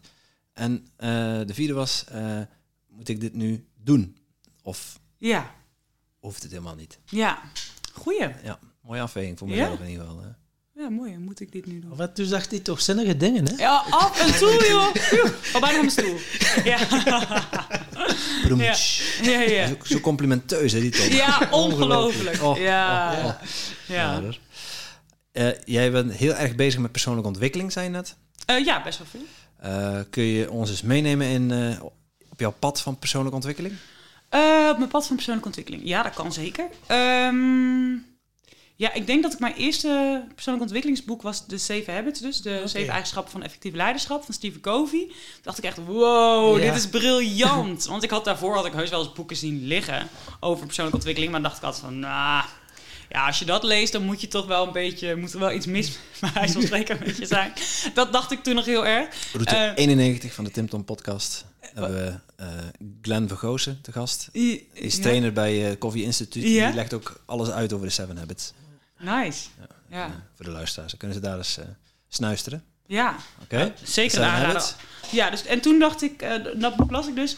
En toen eh, dacht ik, oh, dit is briljant. Dit ga ik gewoon doen. Dus ehm, dan maakte ik ook aan het begin van elk jaar... maakte ik gewoon allerlei dingen die, waarvan ik dacht... nou, dit wil ik aan het eind van het jaar bereikt hebben. En daar ging ik dan mee aan de slag. En dan ging ik ook, ik ging ook veel meer van dat soort boeken lezen. Dus op een gegeven moment ging ik een beetje naar Brené Brown. Ik bleef eerst nog een beetje een soort van... echt in... eh, ja, de, de dingetjes, de trucjes die je kan doen om effectiever te gaan werken enzovoorts. En eh, op een gegeven moment ging ik ook veel meer met, met mindset ook bezig. Dus nou, toen ben ik in 2018 ook naar een event van Tony Robbins, Robbins geweest. Eh, en ook omdat ik er op een gegeven moment gewoon achter kwam van ja, weet je, je kan jezelf van alles aanleren, maar aan het einde van de dag moet je het zeg maar ook met je eigen karakter doen. Dus eh, het is gewoon heel belangrijk dat je ook weet van ja, wie je bent, wat je in crisissituaties doet, hoe je reageert dus op stress, maar ook wat, wat, wat, wat je heel goed al doet. Zodat je ook gewoon weet van, hé, bepaalde dingen, daar kan ik gewoon heel zelfverzekerd over zijn. Want eh, ja, daar ben je dan gewoon heel goed in. Of dingen, van- als iemand aan je vraagt van, nou, als iemand nu aan mij vraagt van, joh, Pauline, wil jij even de jaaropgave opma eh, opmaken van een of andere multinational? Ja, dan zeg ik nee, want ik weet heel goed dat ik dat niet kan, zeg maar. Dus eh, Maar jij kunt ook goed presenteren. Dan kun je die getalletjes ook Ja. presenteren, toch? dan zeg ik, joh, weet je, als jij nou dat allemaal maakt, dan ga ik het wel presenteren uiteindelijk. Ja. Dat, Ja, dat, dat is dan prima, zeg maar. Dan is het win-win. dus dat, ja, op die manier kwam het wel. En ook, ehm, ook wel dat ik soms mensen tegenkwam van ik dacht, hé, hey, jij bent echt cool. Bijvoorbeeld iemand die dan helemaal zijn eigen pad bijvoorbeeld volgde en zo. En dat ik dan aan mensen ging vragen, ja, hoe kan het dat jij dit dan hebt gedaan? En dan zeiden ze, nou, ik heb bijvoorbeeld een coachingstraject gedaan. Of eh, ik heb juist eerst juist allemaal dingen gedaan die ik helemaal niet wilde. En toen kwam ik erachter wat ik uiteindelijk wel wilde. Eh, of ik ben boeken gaan lezen of zo. En dat, eh, ja, dat vond ik dan, da- daar ging ik dan wel mee aan de slag. Dus op die manier wel een beetje mijn persoonlijke ontwikkeling. eh, Ja, pad. want het is ook een gevaarlijke hè, voor als persoonlijk ontwikkelingsjunkie, dat je constant denkt van, constant, maar je past het niet toe, want alleen toegepaste kennis Ja. is van waarde. En dan, ah, oké, die opleiding, ah, dat boek. En lees, oh, goede tip, ja, en dan toch weer op zoek naar dat goud, Ja. naar die quick fix. Ja. Hoe ging jij daarmee om, of was dat voor jou geen eh, issue? Ehm, nou, aan het begin las ik vooral gewoon één boek en dan ging ik het toepassen. Maar ook toen had ik gewoon... Het was mijn eerste boek ook. Dus ik had geen kennis. Of ja, ik had wel kennis. Maar ik dacht gewoon... Wow, dit is het eerste boek wat ik, wat ik lees. En het is briljant. Eh, dus daar, da- toen ging ik daar wel mee. En toen heb ik echt wel een periode gehad. Nou, je ziet het ook. Ik heb hier ook echt heel veel boeken liggen Ja. overal.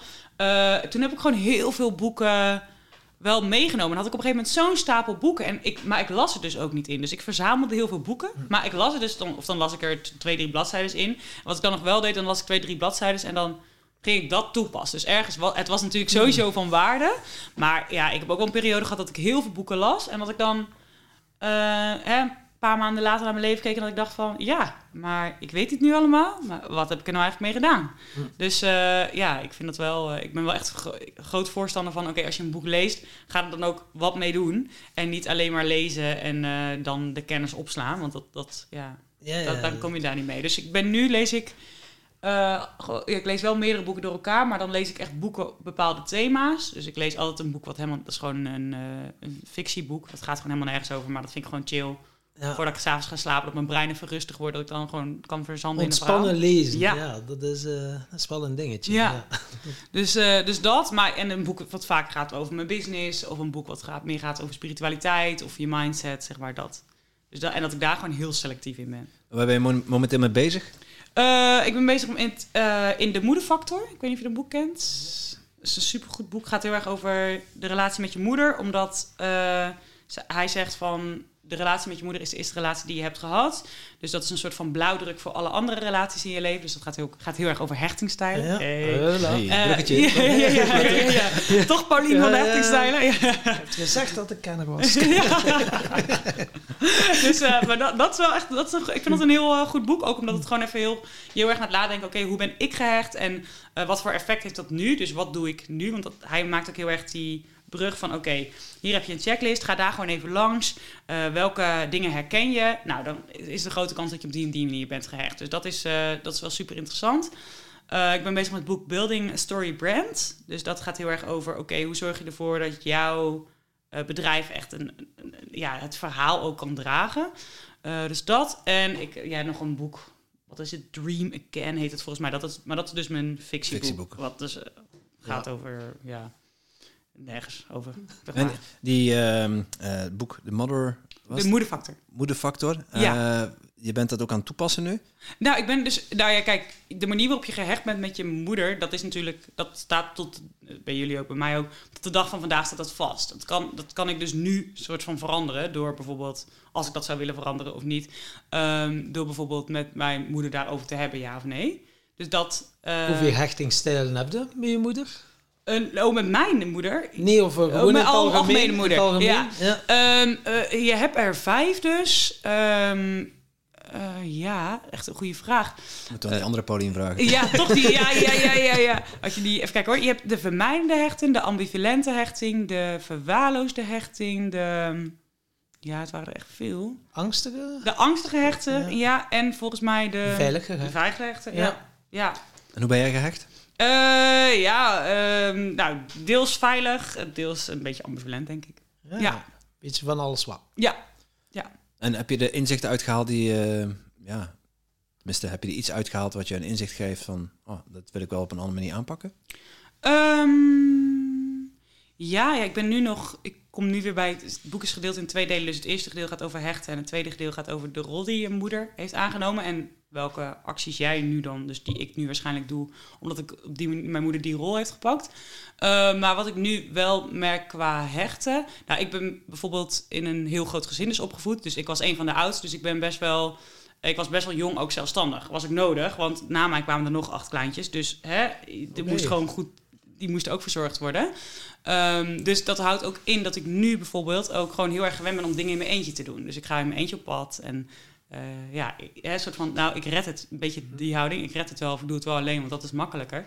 Terwijl ik juist, juist de afgelopen jaren heel erg merk van, ja, nee, juist als je het samen gaat doen en als je mensen om hulp vraagt en als je even vertelt van je plannen en daarom even vraagt van, joh, wil iemand mij hierbij helpen? Dat, dat je daarmee veel verder komt. Dus dat, en nu ik dat boek lees, denk ik, oh ja, maar het is ook heel logisch, zeg maar, en de manier waarop ik gehecht ben, dat ik dit ook doe. Eh, en nu kan ik het dus veranderen. Want nu, ik ben nu volwassen en ik ben echt heel blij dat mensen uiteindelijk volwassen worden. Omdat als je volwassen bent, kan je gewoon lekker je eigen keuzes maken ook en zo. Eh, en dat ik nu er gewoon- voor kan kiezen van... oké, ja, ik kijk dat aan en ik hoef niet alles alleen te doen. En het is juist ook heel, eh, ja, heel fijn om je gewoon af en toe een beetje te laten dragen ook. Hulp Ja. durven vragen Ja, uiteindelijk. precies. Ja, Ja, want er is genoeg hulp. Ook aan mensen die denken van, oh, ik moet alles alleen doen. Of, eh, er, is, Ja. er is genoeg hulp, maar je, Ja. moet, je moet het wel durven vragen. ja precies. Ja, dus ik heb daar een quote staan van eh, Oprah. You get in life what you have the courage to ask for. Ah ja. Dus dat, ik geloof daar wel in. Ja, en ik zeg ook wel eens van, mensen kunnen niet aan je ruiken dat je iets nodig hebt. Het is niet zo, Hm. oh, ik zie jou, hmm, laat me even nadenken. Ik denk dat je dit nodig hebt. Ja, er zijn wel mensen die dat kunnen, maar als je echt iets wil, dan moet je het gewoon vragen. Ja, ja, ze Ja, ook wel... Een baby is er heel goed in, hè? ja Ja. gewoon huilen. kakt gewoon in zijn lui. Ja. en Dat kun je ruiken. Ja, ja, ja, precies. Ja, ja. Ja, ik weet er alles van. Ja, jij weet er straks eh, alles van. Ervaringsdeskundige. Ja, Ja, ze zeggen ook wel, een nee heb je en een ja kan je krijgen, hè, ja, uiteindelijk. ja, En eh, het is ja, durven vragen. eh, en dan zie je wel, hè, ja. wat dat er... en ja, mensen komen toch op je pad die nu dan toch kunnen helpen op een, van, of op een of andere manier. Ja, We zijn zo'n beetje als magneten, hè. We trekken echt wel situaties aan en personen aan die jou verder kunnen helpen om Ja. je eh, dingen hier in de wereld te zetten. ja. En ik hoorde jou spreken over boeken. En dan heb je ook seminars, gevo- seminars gevolgd van Tony Robbins. Zijn er nog eens zo seminars of andere dingen dat je doet? eh, familieopstelling of ceremonieën, eh, noem maar op, shamanisme, ik weet niet. Dat nu... Ehm, familieopstellingen doe ik. Heb ik van de, voor, dit jaar voor het eerst gedaan. Eh, ik ga wel eens gewoon met een aantal vrouwen dat we een soort van lekker cacao gaan drinken. En dat we dan meditaties doen of iets. Ademsessies doe ik wel eens. Ehm, ja. Eh, ja ik, heb, ik heb ook gewoon echt een hele fijne club vriendinnen, zeg maar. Dus als wij als vriendinnen samenkomen, dan kunnen we ook wel gewoon Een soort vrouwencirkel. ja, ja, ja, bijna dat idee. Ja. Dus eh, dat ook wel. Ja. Ehm, ja, ik, en ik heb wel, ik heb ook wel inderdaad, Tony Robbins ben ik twee keer geweest. Die weet ik echt nog heel helder. Ehm, maar wat ik ook wel eens doe, oh, dat is trouwens echt vet cool trouwens. Dat ga, doe ik bij Shirley Ann heet zij. En zij doet ehm, box en heel. Dus zij gaat heel erg aan de slag. eh, zij gaat, je laat je dus heel erg in je lichaam komen door te boksen. Maar dan gaat ze dus heel erg aan de slag met bijvoorbeeld overtuigingen die je hebt. Of boosheid die je hebt. En zij triggert je dan gewoon enorm door dat helemaal eruit te laten. En dat dan een soort van letterlijk eruit te slaan. Dus dat doe ik ook wel eens. Vind ik ook heel chill. Oké. En Dat is hier in Nederland of zo? Ja, Oké. ja, Shirley Ann heet zij. Daar heb ik nog niet van gehoord. Nee. Box en heel. Dat is echt een super Box cool heel. ook. Ook een trouwens een leuke gast. Voor Ja, ja gast. zeker. Eh, Ja. ja. Toch even opzoeken. Ja. Dat interesseert mij zeker. Ja, Ik heb de laatste familieopstelling gedaan en het ging over emoties. Ik kan mijn emotie boosheid niet uiten. Oh. Ik sla toe, oh, maar dat is ook uw oerkracht. ja, Op een of andere manier, ik zou het willen uitroepen, maar dan denk ik van nee, ik doe dat niet. Ik wil een andere niet kwetsen of, of in zijn waardigheid laten en op een of andere manier lukt het niet. En nee. Die vrouw zei van, jongen, wat dat jij moet doen is hout hakken. En Oh ja. blijven kloppen tot wanneer dat razend wordt. Ja, ja, ja. Dus dat staat nu op de planning. zo. Oh ja. Hout Ja. hakken. Of een keer met je Buffalo shirtje naar, naar het Kiel afzakken. Dat had ook. Naar het Kiel? Dat kiel? Ja, dat stadion. Voetbal. Snap ik Om, niet. om, om Wow. wat toe Maar, te krijgen. eh, maar was jij als kind makkelijk boos? Nee, Had kan je dat boze niet. ouders? Nee, Nee, altijd dus je- emoties eh, binnenpakken. En eh, ja, gewoon niet uiten. Zo Nee. simpel is het. En genoeg uitgedaagd geweest. Toxische relaties gehad, en een narcistisch persoon en al. Dus genoeg redenen had om Ja. boos te worden. Maar toch het niet Nee. durven, ja, op een of andere manier. Nee. Maar ja, als je ouders dat natuurlijk ook nooit doen, dan heb je dus ook nooit een voorbeeld gehad van hoe je boos moet zijn. Ja, klopt. Ja, Nou, dus dit is misschien wel een interessante. Dat, het ging direct eh, Ja. een bellen. Ik dacht van, wow. Ja, Ja, ja en als je, als je het ook niet uit, dan gaat het... Ja, ik zie het altijd maar zo, als je emoties niet eruit gooit, dan, gaat, dan slaat het dus naar binnen. En dan gaat het op een gegeven moment rotten. Ja, en dan krijg je, ja, ja, ja. dan krijg je dus ook echt... Ik denk dat... eh, ik heb pas de documentaire gezien, The Wisdom of Trauma. Ik weet niet of jullie die hebben gezien. Ja, van Mathé. Eh, Ja. Ken ik niet. Nee. Oh nee, maar hij zegt ook gewoon de achter elke verslaving, achter elk destructief gedrag, daar zit een, een, een of een, on, een onverwerkte behoefte, emotie vanuit een, een trauma. En die trauma komt weer vanuit een behoefte wat, op, wat niet is vervuld, op een verkeerde manier is vervuld. Of eh, gewoon een verschrikkelijk iets wat, wat je over, is overkomen. Dus dat. eh, En nu is het bij jou boosheid uiten, geen probleem? Nou, eh, nou ja, ik zou dus. ik, pas vroeg nog iemand aan mij: met wie maak jij ruzie? En toen dacht ik, ja, met wie maak ik ruzie? Of tenminste niet ruzie, maar soms is het gewoon even lekker om even gewoon een goede, een goede discussie te hebben. Toen dacht ik, ja, met wie maak ik eigenlijk ruzie? Toen dacht ik, ah ja, dat is eigenlijk gewoon. Ik weet eigenlijk niet zo snel met wie, ik dat, met wie ik dat doe, zeg maar. Dus ik merk wel, als ik bijvoorbeeld gewoon gefrustreerd ben of iets, of geïrriteerd, dat ik dan gewoon mijn sportschoenen aantrek en of ga hardlopen. En dan gewoon echt van die, echt van die eh, ja, mega harde muziek, zeg maar, gewoon op mijn headset en dan gewoon ga. Of bijvoorbeeld even via YouTube van die video's, eh, high intensive eh, interval workout. Dus dat je dan gewoon helemaal even helemaal in je lijf gaat. Dus dat, dat je het een soort van uitrent, uitbeweegt. Dat doe ik wel. Ja, of dat boksen doe ik soms. En ehm, ja, dat, dat voor nu. Ja, maar soms denk ik wel eens...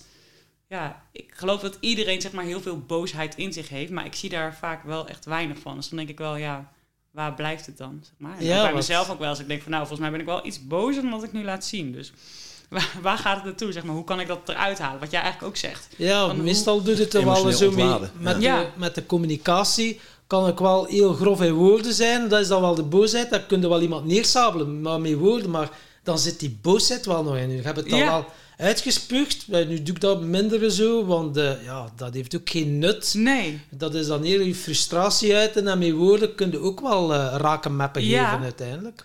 Maar dat is niet de oerkracht die je Nee. dan ervaart. Hè? Nee. Nee, het is niet zeg maar die, die power ook. En ik heb wel een vriendin van mij die is daar heel erg mee bezig. En die zegt ook heel erg van ja, maar dit, het is echt je. Als je je woede, als je daarmee kan werken en zeg maar vanuit daar actie kan ondernemen, dan ben je zo krachtig. Mm. En woede is niet alleen, oh, ik ben boos en nee, maar het is gewoon ook heel erg, je bent ergens heel erg verontwaardigd over. En juist ook heel veel ondernemingen enzovoort zijn eigenlijk ook gestart vanuit die boosheid van dat je ergens enorm verontwaardigd over bent en dat je het graag anders wil doen en dat je dan zeg maar iets nieuws start. Ja. Ja. bij mij is dan zo snel, ik ga omdenken dat ik niet in die staat kan komen van razen. Oh, ja. dat valt wel mee of minimaliseren. Terwijl, Ja. ja. dat, is, ja, dat is wel een dingetje. Ja, Ja, dat is ook de razernij, ja. Het is ook een emotie, hè. En eh, ja, ergens het, het voelen en begrijpen en dicht bij je emoties blijven, dan moeten ze, ze moeten er ook wel een keer uit. Ja, Het is heel ongezond om ermee rond te blijven lopen. ja. Ik, ja, sporten, dat, dat werkt altijd goed. En een keer gewoon heel hard roepen. Ja, oh, heel hard gaan schreeuwen. Ja, dat is chill. Ja, ik ken, nee, waarschijnlijk kennen jullie het niet. Die, de, de serie The Bold Type op Netflix. Nee, het is ook echt, zeg maar, eh, het, is ook wel, het gaat over drie meiden die bij een tijdschrift werken. Dus hè, dat, dat, dat vertelt al een beetje wat over. Maar wat zij dus doen, zij werken dus in New York bij een tijdschrift. Alleen ja, ga daar maar schreeuwen in de stad. Nou, dan word je gelijk opgepakt. Ehm, dus wat gaan ze doen? Ze gaan dan op het metrostation gaan ze staan en dan komt de metro langs en dan gaan ze dus heel hard schreeuwen terwijl die metro zo langs raast. En dan hoor je natuurlijk dat schreeuwen niet meer. Dus ik heb hier, eh, woon ik vlakbij een spoor. Dus ik ga dan wel eens met een vriendin van mij, dan gaan we gewoon even naar, naar dat spoor en dan, eh, want het is op een brug. Dus dan gaan we gewoon bij die brug en dan gaan we gewoon even lekker gewoon schreeuwen, omdat het zo... eh, het is zo wezenlijk, zeg maar. Het zit zo in je lijf. En dat komt er dan gewoon letterlijk uit. Je hoeft je niet in te houden. Oh, Want wat tof. al ja. het geluid raast het over. Dus dat... Eh, dat is wel een mooie tip. Ja, ja. Die neem ik ook mee. Ja. Even noteren. Ja, ja, ja, ja, ja, ja. Niet op de sporen lopen Nee, mensen. niet, nee, niet, nee. Wel echt, want dit, dit is zeg maar een brug. En Aan de, je hebt eh, zeg maar één... Naast die brug heb je, op die brug heb je één stuk dat is voor fietsers. En dan zit er echt ruimte tussen. En daar rijdt dan de trein. En dat zijn altijd intercities. Dus ja, we staan op dat stuk voor fietsers. En dan, eh, Ja, ja. dan ja. gaan o- over het water. Dus het is ook echt zeg maar zo'n rauwe omgeving eigenlijk. En dan gewoon eh, lekker schreeuwen. Ja. En eh, ik, ik hoorde je net ook zeggen van, als jij ergens in een kamer komt waar de sfeer niet zo gezellig is, dan, eh, heb jij de neiging om het gezellig te maken. Ja. Eh ik ben wel benieuwd waar, waar, waar dat dan vandaan komt, want niet altijd iedereen heeft er behoefte aan. Nee, nee, zeker niet. Nee, dus dat is ook een stukje aanvoelen. Eh, dus, dus al, kijk, het, is dan meer bijvoorbeeld als je op een, op een feestje komt waar eh, niemand elkaar kent of zo. En dat je, dat je merkt dat iedereen een beetje naar elkaar zit te kijken. Ja, dan ben ik wel, dan ben ik wel iemand die een beetje gaat verbinden, dat wel. Maar eh, waar het dan vandaan komt.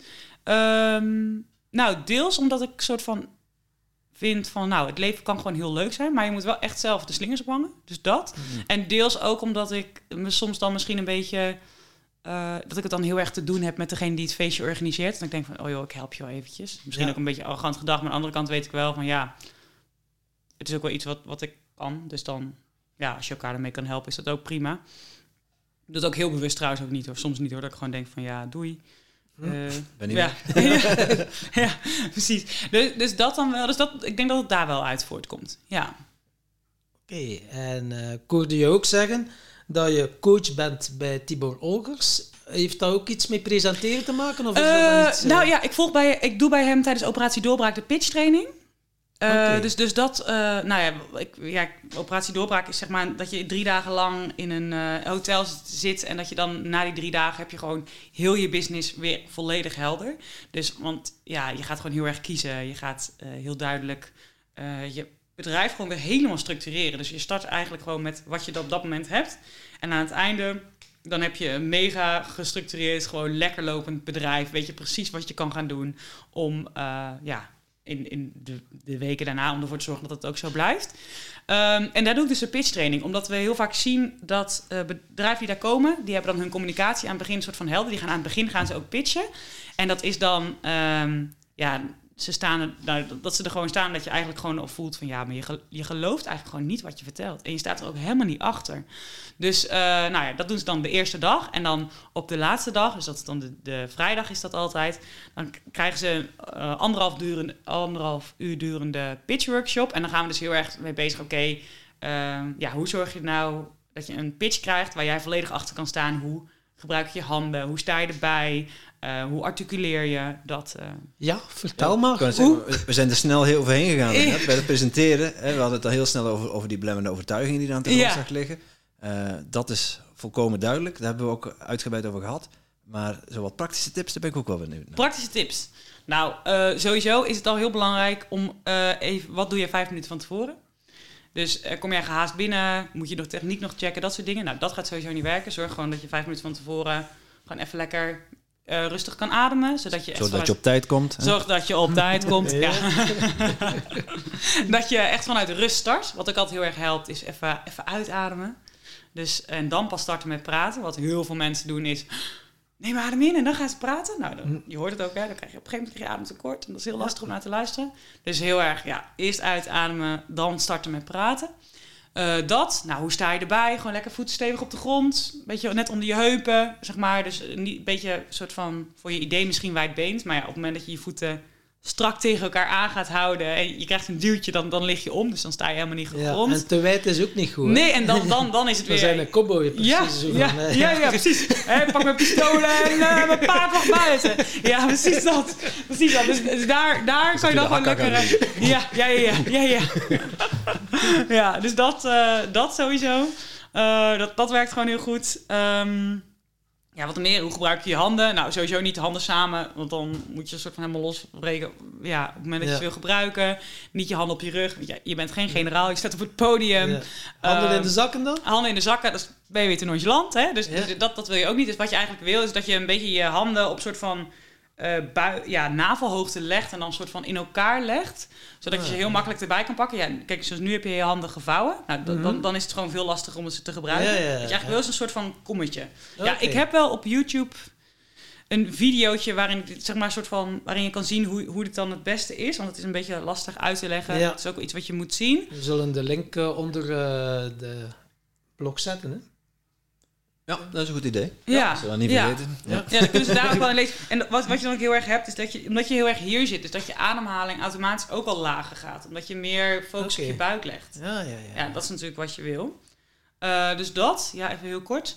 Eh, nou, gebruik lekker je mimiek. Dus hele, als je hele actieve bewegingen maakt met je gezicht, dus je wenkbrauwen Ja. en je ogen en je mond, en je neus wilde ik zeggen, maar Ja. die bewegen, dat, eh, eh, dat is wat uitdagend. Dan, dan kom je juist heel vriendelijk over. Hou je gezichtsuitdrukking wat strakker. Dan kom je juist veel meer over als een expert. Dus ga je gewoon lekker mee spelen. Kijk gewoon wat je, ja, hoe je iets wil overbrengen aan je publiek.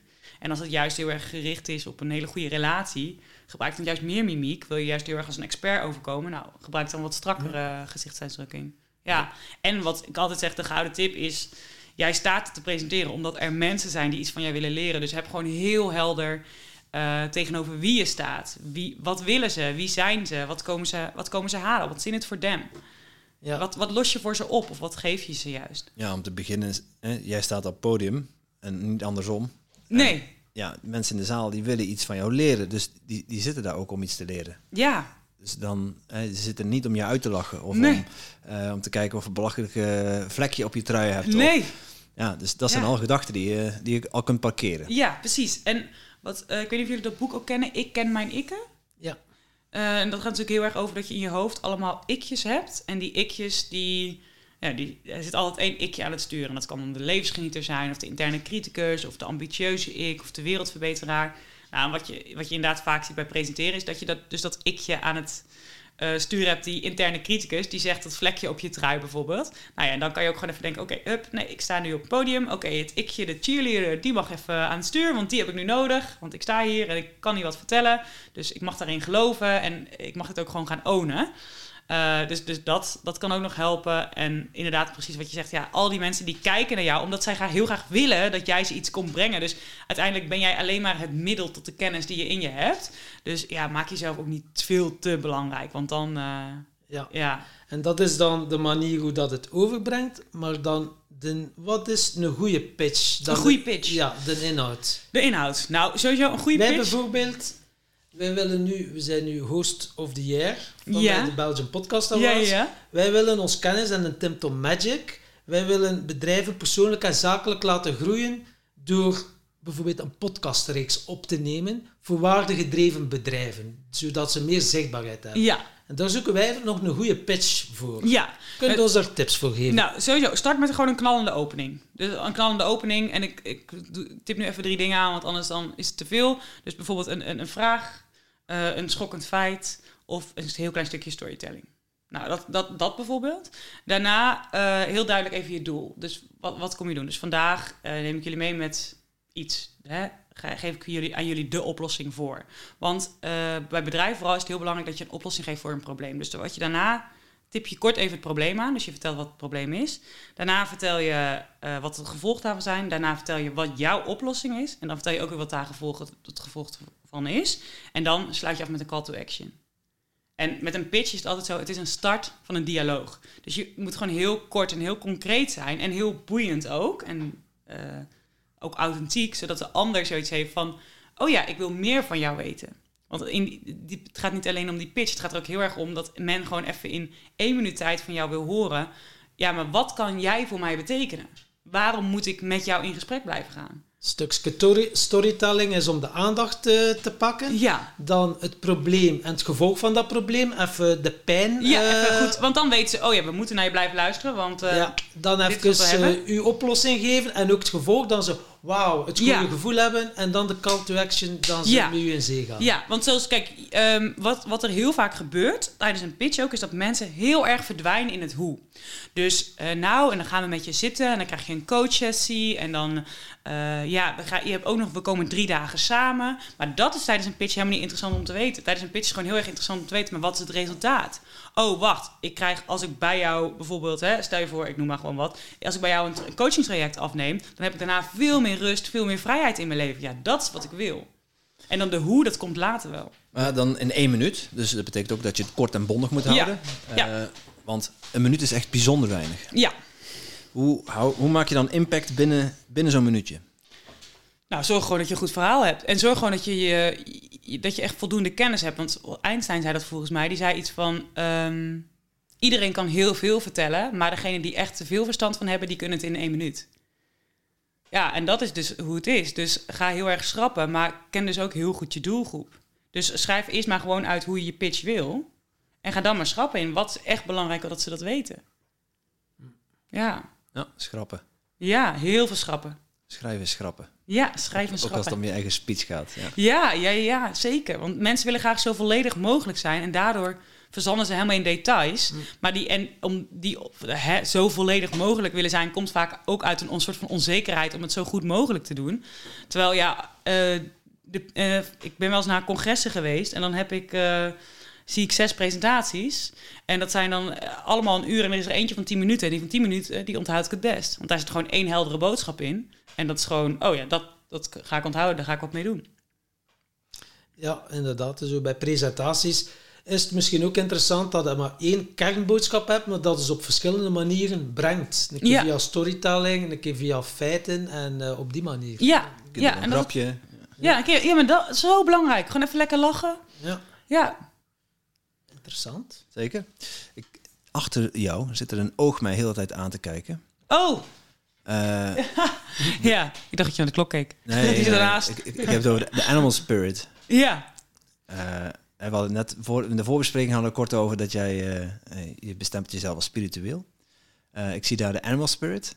ja, ehm, ja, dus je vraagt natuurlijk, wat is dat? Ja, wat, wat, nou, wat heb je ehm, met animal spirits? Ja, nou, ik ben sowieso, ik ben natuurlijk heel gelovig opgevoed, dus ik ben sowieso gewend dat er meer is tussen hemel en aarde. Dus dat, eh, ik ben ook nog steeds, ik ben ook gelovig. Eh, en ik ben ook wel, ja, holistisch. Dus ik, dat Animal Spirit, dat heb ik ooit een keer van een vriendin gekeken. Dat zijn een aantal, eh, het zijn allemaal plaatjes van dieren. En ehm, als je dan bijvoorbeeld eh, zoiets hebt van, nou, ehm, hè, ik weet niet goed wat ik in de situatie moet of zo. Dan kan je bijvoorbeeld zo'n kaartje pakken of zo. Dus dat, Als een kaartendek. ja, het kaartendek, ja. Ja, dus dat, die heb ik ooit, ja, dus die staat er wel. Maar ik vind het ook vet. Het ziet er gewoon heel mooi uit. En voor de luisteraar, het is dus echt een soort van zilver eh, doosje met... En dat, als het er licht op valt, dan glittert het. Het is een soort van regenboogkleuren krijg je dan. Dus ik heb hem gewoon als decoratie eh, in mijn huis gezet. En het Ja, is kijk, het heel oog- indringend. ja, ja, ja, ja, het is een indringend oog. Is ja. het ook van wat? Een eh, draak. ah, een draak, oké. Ja. Ah, Oké. Heb je, heb je voor jezelf ook een, een totemdier al ontdekt? Nee, nee, nee. Nee, ik moet ook wel heel eerlijk zeggen dat ik... ehm, ja, ik, en, ik kom natuurlijk ook gewoon van het platteland. Dus ik ben ergens ook wel gewoon heel nuchter. Eh, gewoon van, ja, we, hè, je moet gewoon werken voor je geld. En, eh, of tenminste niet, je- als je het slim doet, hè, gewoon lekker beleggen. En eh, weet ik wel Ja. niet, dan, dan hoeft het allemaal helemaal... hè, dan, dat geld ligt op de straat. Maar ehm, ja, ik vind dit soort... Ik vind van die soort van... Van die dingen waarvan je dan net weet van... Hmm, is dit nou kan ik dit nou zeggen dat dit toeval is? Of is dit eigenlijk te toevallig? Ja. Zeg maar. Ik vind dat, dat heel leuk. Een beetje de, de magie van het leven. Dat je daar een beetje, ja, een beetje mee speelt. Dan is uw leuze misschien ook eerder eerst geloven en dan zien in plaats van eerst zien en dan geloven. Ja, ik denk een combi. Wel een beetje. Ja, Ah. ja. Sommige dingen denk ik wel misschien. Dat ik, soms zijn er... Ja... Bijvoorbeeld als ik een regenboog zie of zo, dat vind ik dan, dat vind ik dan heel mooi. Dat is heel erg hoop, zeg maar. Dan denk ik, oh ja, hè, ehm, dus dat kan ik dan wel als, als teken zien. Maar ik ben ook wel met sommige dingen dat ik gewoon denk van ja, oké jongens, we kunnen hier heel lang heel kort over praten, maar er moeten nu gewoon moeten dingen gebeuren. En eh dat is belangrijk. ja, ja, oké. Ja. ja. Als er gas gegeven moet worden, dan eh, Ja, dan is het gewoon aanpak. mooi. Ja. Heb jij, je, bent, je bent nog vrij jong. Eh, Ja. je, hebt, je bent twee jaar geleden bij je gestart met je eigen onderneming. ja. Eh, waar droom jij nog van? Maar, oh, ik droom echt van heel veel. ja, Eh, nou, ik zou sowieso wel... Ik wil zelf veel meer op het podium staan. Dus daar ben ik nu wel eh onder de radar een beetje mee bezig. Dat ik gewoon zelf ook wat vaker... eh, Voor eh, publiek ook? Of gewoon ja. erop staan? eh? Ja, gewoon even erop staan. Ja. ja, nou ja, dat is ook, hè. Dat kan ook, eh, ja. Nee, dus, dus dat, eh, dat wil ik heel graag. Dus Oh, zelf op het podium. Hoeveel man staat er in de zaal? 500, minimaal. Ja, gewoon lekker, eh, lekker grote zalen. En daar, eh, ja, gewoon meer, meer mensen raken ook. Vind ik gewoon En heel leuk. dan als het mee zit, nog iets zinnigs vertellen ook dan. Ja, nou ja, hoeft Ja. natuurlijk niet per se. Nee, wel, dat is op zich wel de bedoeling. Ja, ja, ja. is dan de bedoeling... eh Om Tom zijn microfoon een, in te stellen. Een idee? Heb je dan Eh, ja, nou, ik, eh, omdat, omdat ik gewoon best wel, eh, zeg maar, mijn leven nu met in hoe ik ben opgegroeid, dat, dat is gewoon, zit er gewoon een heel groot verschil tussen. Dus ik zou daar gewoon wel eh podium mee willen pakken van, oké, ja, eh, je, je hebt een keuze, zeg maar. Je kan altijd kiezen, net zoals wat, waar we het aan het begin over hadden, van ja, niet kiezen is ook kiezen. Dus dat, dat ik soort van even bewust wil maken van, oké, eh, wat kies jij nou in je leven? Want het leven wat je nu hebt, is het resultaat van de keuzes die je ooit hebt gemaakt. Dus ja, als je daar niet oké mee bent, dan kan je dus andere keuzes maken. Zeg maar. Dus heel erg daarin en dan ook echt wel je eigen pad vinden. Omdat ik, ja, ik heb natuurlijk van alles en nog wat gedaan. En er zijn zo vaak mensen geweest die een soort van gedacht hebben van... Ja, maar kies nou iets. Ga daar nou gewoon helemaal in op. En ga er nou voor. Weet je nou wel wat je wil? Ja, precies. Maar, en, maar ik dacht altijd van nee, ja, ik weet dat niet. En, en er is iets in mij wat tegen mij zegt van nee, er, er is meer. Zeg maar, blijf zoeken, want het komt wel. Dus, dus dat eh, lijkt me heel leuk. Eh, ik zou ook wel een bepaalde performance meer internationaal willen. Dus het is nu ben ik vooral bezig in Nederland en zo. En eh, in België. Dus, eh, dus de- uiteindelijk dat ik dan dat dat, dat ook meer eh, internationaal kan. Dat lijkt me ook wel, eh, wel heel leuk. Ehm, ja, ik, ik woon nu hier, maar ik, zou, ja, ik wil graag een eigen appartement. Bijvoorbeeld ergens in Amsterdam of zo lijkt me heel leuk. Maar ja, ik heb wel echt... ehm, ik, wil, ik wil voor volgend jaar wil ik ook wel toch wel wat meer gaan reizen ook. Ik ben Ja. afgelopen jaar gewoon veel binnen geweest. Ik denk nou gewoon weer lekker weer naar buiten. Ehm, ja, dat is even voor de korte termijn, denk ik. Ja, voor de korte termijn, ja. Hoor je wel zeggen, Amsterdam, dus eh, je kiest niet voor de natuur, liever de drukte. Nou ja, het lijkt me gewoon. eh, ja, ik heb daar gewoon best wel veel. Ik ken daar best wel veel mensen ook. Dus het lijkt me gewoon wel leuk om gewoon, gewoon sowieso een jaar daar te wonen, dat even te ervaren. Ja, ja, ja. En dan eh, ja, dicht bij een park misschien. Dan Ja. eh, kan ik af en toe gewoon even lekker uitwaaien. Ja, Ja, ja, niks mis mee. ja. Ik heb juist, ja, ik ben een paar jaar ouder, dus ik, ik heb dat ook heel lang gehad van de stad en dan eh, alle voorzieningen, alle gemakken. Eh, ik neig nu toch wel weer meer naar meer vrijheid, meer openheid, wat meer rust omheen. Oh ja. Ja. Het is ook mijn periodes, hè, waarschijnlijk. Ja. En ook ja, met een kleintje natuurlijk Ja, is het ook gewoon. Meer eh, rust en dan Ja, kies voor keuze was al baby. gemaakt voor Ja, ja, precies. Ja, Slim. dat is eh, een, eh, hoe zou dat? een bijkomstigheid. Ja. ja, ja, ja. Wij, eh, wij, Tom en ik, wij hebben ons eigen bedrijf Toedeloe. En eh, onze leus is, zeg Toedeloe tegen bullshit-gedachten die je tegenhouden om te groeien. Mhm. Ik ben wel benieuwd, welke bullshit-gedachte houdt jou nog tegen om te groeien? Welke bullshit gedachten? Oh ja, daar heb ik het van de week nog over gehad. Dat het heel zakelijk moet. Dus ik had eh, bijvoorbeeld op LinkedIn post ik altijd hele zakelijke post. En toen op een gegeven moment zei een vriendin van mij, ja, Paulien, die boeken, die post van jou, dat leest gewoon als een schoolboek. Je kan het ook allemaal vinden op Google. Waar is het verhaal? En ze zegt, als ik met je praat, dan komen er wel verhalen. Maar ja, nu, eh, als ik een post op LinkedIn lees, dan denk ik, ja, oké, top. Ik heb er wat aan. Er zitten nuttige tips in, maar waar ben jij? Dus, eh, dus dat was mijn, eh, ja, dat, dat is wel een boost overtuiging waar ik nu gewoon heel erg mee bezig ben. Met oké, nee, gewoon jezelf in je volledigheid laten zien. En daar gaan mensen dan ook weer op aanhaken, zeg maar. Dus dat is ook weer een, weer een beetje dat building a st- a story brand. Ja. Heeft daar ook wel weer een beetje mee te maken. Heeft dat dan ook te maken met eh, kwetsbaarheid? En, eh, ja, denk ik ook. Ja, want zoals bijvoorbeeld deze podcast ook. Ik vind dat, dan vertel ik toch meer... Men komt toch meer over mij te weten dan, eh, over, ja, dan, dan gemiddeld, zeg maar. Dus dat, dat voelt dan toch ook wel weer kwetsbaar. Want ja, je put yourself out there en je kan dus ook afgeschoten worden. Ja, en dat is natuurlijk gewoon het risico. Ja, dat is het leven. Ja, nee, dat is zeker groot waar. risico. Ja. Ik- Ja. ik- er- ergens is het ook een heel simpele gedachte van eh, meer jezelf zijn. Hè? Ja, Gewoon, tenminste, je bent jezelf al. ja. Maar jezelf naar buiten toe ook tonen zoals je bent en niet eh, zoals je wilt gezien worden. Nee, nee, precies. En dat inderdaad ook. En ik moet ook wel eens denken, tenminste, pas hoorde ik nog zo'n so- soort van gelijke metafoor van, ja, stel je voor een auto, die komt net van uit de fabriek en die is helemaal mooi en, en fris en zo. En dan ga je ermee rijden en dan komt er allemaal vuil op enzovoorts.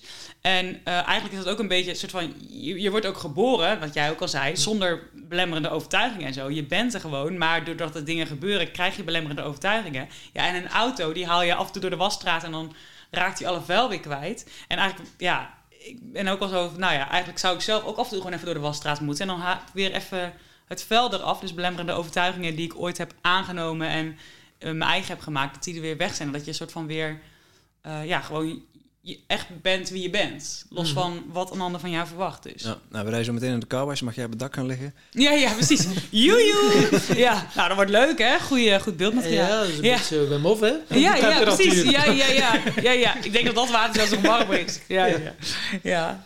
Dus De, de rode draad van onze podcast is eh, geluk en succes. Ja. Eh, hebben, we hebben het beetje de revue laten passeren al, maar eh, we pikken graag de, de rode draad weer op. Mhm. En eh, we zijn wel benieuwd, wat, wat voor definitie geef jij aan, eh, aan geluk? Geluk. Geluk is ehm moment, denk ik. Ik vind geluk wel momenten. Waarop je je zorgeloos voelt. Of te, nee, tevreden. Dat is denk ik het juiste woord. Dus dat je je tevreden voelt. En dat je blij bent met je leven zoals het is. Dus ook heel dankbaar. Ja, Hmm. dat is wel geluk. Heel dankbaar. Ja. En eh, wa- wat, wat betekent dankbaarheid voor jou? dankbaar dat je dus. ehm, nou, wat ik ook op een gegeven moment zei over dat reizen, dat je dus. Kijk, weet je dat wij hier gewoon stromend water hebben, dat we hier elektriciteit hebben. Dat, kijk, ik leef hier omdat ik in dit land ben geboren. Maar ja, ik had ook op een totaal andere plek geboren kunnen worden. Was mijn leven totaal anders geweest. Dus dat je ook eh, dankbaar bent voor de dingen in, die je in je leven hebt, die je niet. wat niet vanzelfsprekend is, zeg maar. Dus dat. eh, en ook voor de dingen die. dankbaar voor de dingen die je in je leven hebt, waar je gewoon hard voor hebt gewerkt. Hè, Ja. Dat je af en toe gewoon jezelf een keer een klopje op de schouder geeft van, eh, nou, lekker gedaan. Zeg Ja. maar dat. Meer focussen op de dingen die je hebt en niet de dingen die je nog zou willen. Ja, precies. Ja. Ja. Mooi. Mooi. En geluk, ja, dan denken we ook aan succes. Wat is jouw definitie van succes? Definitie van succes. Ehm, nou, ik moet dan toch gelijk een beetje denken aan Ikigai. Dus eh daar heb je natuurlijk vier elementen. Eh, doen waar je goed in bent. Iets doen wat je geweldig vindt. Iets doen waar je geld mee kan verdienen. En iets doen wat, je, wat iets teruggeeft aan de wereld. En succes is voor mij wel dat ik zeg maar... eh, dat ik al die vier dingen kan doen in mijn dagelijks werk. Dus dat ik kan leven van datgene wat ik het leukste vind om te doen. Dat ik daarmee ook echt een ander echt help. En dat het ook voor allebei gewoon geweldig is. Ja. Ja, En dat heb je waarschijnlijk gevonden, als ik jou zo hoor. ja, ja voor nu zeker. Ja, ja. dat kan nog veranderen. Nou ja, ja, ik denk, kijk, als ik over twee jaar nog zit waar ik nu zit, dan zou ik zeggen, hmm, kijk, nu ben ik het tevreden mee, maar dan zou ik dan zeggen, nou, ik heb nu even geen succes, zeg maar. Omdat je dan soort van, voor, voor mijn idee ben ik dan blijven hangen in iets, zeg maar, terwijl ik dan al, ja, ik hoop over twee jaar gewoon weer gegroeid te zijn. Ja. Dus dat, eh, Stel dus dat tijd en geld geen enkele rol speelt. Hoe ziet Ja. er jouw ideale dag uit? mijn ideale dag. Eh, tijd en geld speelt geen rol, hè, zei je. Je moet volledig losgaan, ja? Ja, eh, nou, ik zou dan niet, in, ik zou dan niet hier zijn. Ik zou dus eh, ergens, om, eh, weet ik veel, ik zou gewoon ehm, op een ander, in een ander land werken. En dan, België. ja, België! ja, nee, ja, ik zou wel gewoon vooral met dit, weer als vandaag, als het zo druilerig is en zo, en het is koud, ja, dan zou ik gewoon het allerliefst in... eh, Engeland, dat is maar een ja, Engeland, vliegen. ja, dat is maar een uur vliegen. Oh my god. Ja, ja, ja, ja. Nee, dat, dat, dus ik zou wel ergens in de zon zitten of zo. Ja, ja, ja. En een cultuur wat ik net of anders is, dus dat zou ik doen. Ik zou daar gewoon lekker wakker worden, s ochtends vroeg. Ik word wel vroeg wakker. Gewoon chill. Een lekker kopje koffie in de zon. Of wel decaf trouwens. Ehm, en gewoon lekker, daar lekker ontbijten. En dan gewoon een beetje rustig gaan starten. Dus eh, nou, als ik dat dan toch in het buitenland doe, dan, oh, dan geef ik daar misschien training. Dus dat ik dan gewoon daar en dan gewoon bij een heel leuk bedrijf ga trainen, presentatietrainingen ga geven. Of dat ik bijvoorbeeld een aantal klanten gewoon online heb. Dus dat ik gewoon in een lekker fijn kantoor zit en dat ik daar dat lekker kan doen. En dan best wel op tijd stoppen ook. Ja. Gewoon niet te lang door en dan lekker, lekker naar het strand bijvoorbeeld. Of eh, lekker ergens eten. Ik, hou, ik ben echt dol op lekker eten. Dus gewoon lekker ergens eten met leuke mensen. Bij een kampvuur gewoon een beetje liedjes zingen. Of gewoon lekker kletsen. eh, of lekker dansen. Weet ik van een leuk feest. Ja, en dan dat zou voor mij wel een geslaagde dag zijn. Ja. Waar Ben jij waar iemand houd je die te... Wat zei je? Houd je tegen? Eh, ja, nou, eh, nu eventjes. Ik, ik heb nu gewoon best wel in Nederland gewoon wat fysieke trainingen en zo die ik, eh, ja, die ik eerst even mag, eh, mag gaan doen. Ja. En zit er in jou een zangtalent? Zo En- de feestjes opvrolijken met... eh, Eh, Met, met, nee, nee, dat is ook nog een heel grappig verhaal. Want ik heb dus ooit een keer... eh, ik, ik kan zingen, maar ik kan dus niet... Ja, mooi. zingen. Ik, ik trek geen volle zalen, zeker niet. Ehm, ik heb zelfs ook een keer zangles gehad. En toen zeiden ze ook... Ja, je hebt meer een podca podcaststem dan een zangstem. Toen dacht ik, oké, thanks. Met alle twee niks gedaan. Ja, ja, ja, ja, precies. Nou, je weet niet wat er gaat komen. Maar eh, ik had dus ook, eh, dat was vorig jaar, toen had ik, ehm, eh, toen had ik even zo ook zo'n periode dat ik dacht van, oh, ik ga de boel lekker opvrolijken. Dus eh, een vriendin van mij had een ukulele, die had ze aan mij gegeven. Dus toen ging ik proberen ukulele spelen en dan konden mensen mij een soort van bestellen op hun verjaardag. En dan kwam ik aan de deur en dan zong ik een liedje voor ze en dan mochten ze een kaarsje uitblazen, dat. Heel grappig. Alleen ja, ik had het ukulele spelen, had ik gewoon een beetje onderschat, omdat ik ook echt niet, niet echt, zeg maar, dedicated was tot echt goed ukulele kunnen spelen. Ja, het is een klein gitaartje, maar het is niet simpel. Nee, nee, nee, precies. Nou ja, het, het is wel een van de makkelijkste instrumenten die je zelf aan kan leren. Maar het is toch, ik kan me dat echt wel helemaal onderschatten. Dus uiteindelijk, ik ga daar lekker. eh, ik, alleen, ik had dus wel wat boekingen. Dus ik wist gewoon, ja, ik moet daar zijn. Dus uiteindelijk heb ik gewoon met, met die ukulele gegaan. Ben ik gewoon heel hard gaan zingen. Zodat ik dacht, dan hoor je die ukulele niet. Maar dan zien ze die ukulele wel. En dan denken ze misschien toch van, ja, ze speelde op de ukulele. Kon ze het? Geen idee. Maar ja, ze speelde er wel op. Dus, en ze zong. Ja. Dus dat heb ik uiteindelijk heb ik op die manier eh, maar opgelost. Nou, grappig. Ja, ja, ja. Achteraf denk ik wel van, oh joh. Ja, maar dat... eh, Ja, dan heb je toch wel, eh zeg dat, klotsende oksels als je aanbelt. ja, ja. Nou, ik, nou, en ik had gewoon... Ik, sta, ik stapte dan ook gewoon even een beetje in de rol. Ik dacht van, oké, boeiend. Zij zijn jarig. Ze verwachten dit sowieso niet. Dus alles wat ik doe, dat is al een verrassing, zeg maar. Ja, dus dan gaat het gewoon... Oké. Ja. Over adrenaline gesproken, dat had ik toen wel. eh, Kan me ja. voorstellen. Ja, ja, ja. Ja. Eh, Wij eh, starten onze podcast altijd met de vraag van de vorige gast. Ja. En eh, aan jou de eer om eh, een vraag te stellen aan onze volgende gast. Ja.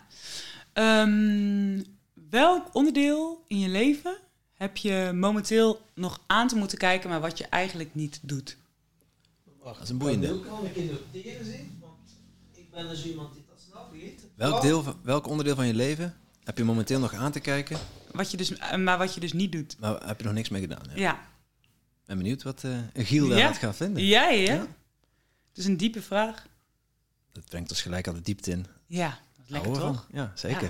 Dan kan je gelijk eh, doorpakken. Welk Ja. onderdeel In je leven in je leven... heb je aan te kijken, aan te pakken. Maar doe je nu nog niet. Ja. En waarom dan niet? Dat is natuurlijk ook wel interessant, maar daar komen jullie wel op. Daar komen wij wel op. Precies. Zeker. precies. Oké, mooi. Eh, tot slot heb je nog iets te delen met, eh, met de luisteraars? Ehm, ga veel naar buiten, sowieso. Haal regelmatig frisse neus, heel belangrijk. Ehm, ja, moet ik nog zeggen waar ze mij kunnen vinden? Is dat, Dat handig? is fijn. Dat is- Ja, Dan nee, nog vragen. ja, je kan mij vinden op LinkedIn sowieso, Pauline Pater. Ik deel elke week een presentatietip, met nu dus ook meer storytelling. Dus daar kan je me sowieso vinden. Eh, of Pauline Pater op Instagram, dat kan. En eh, als je tot hier bent gekomen, ik vind het mega tof dat je hebt geluisterd. Dus mocht je nog vragen of iets hebben, stuur me gerust een DM, want dan kom ik zeker bij je terug. En eh, ja, ik zou zeggen, geniet van vandaag en maak er wat moois van. En ga naar buiten, mensen. En ga naar buiten. Ja. Oké, dan willen wij jou nog van harte bedanken voor dit eh, hele interessante en leuke, boeiende gesprek. Dat was Yes. Pauline. En jij natuurlijk ook super bedankt om te luisteren naar deze podcast. Voel jij je geïnspireerd? Je zou ons een enorm plezier doen door ons 5 sterren te geven of een review achter te laten in jouw favoriete podcast-app.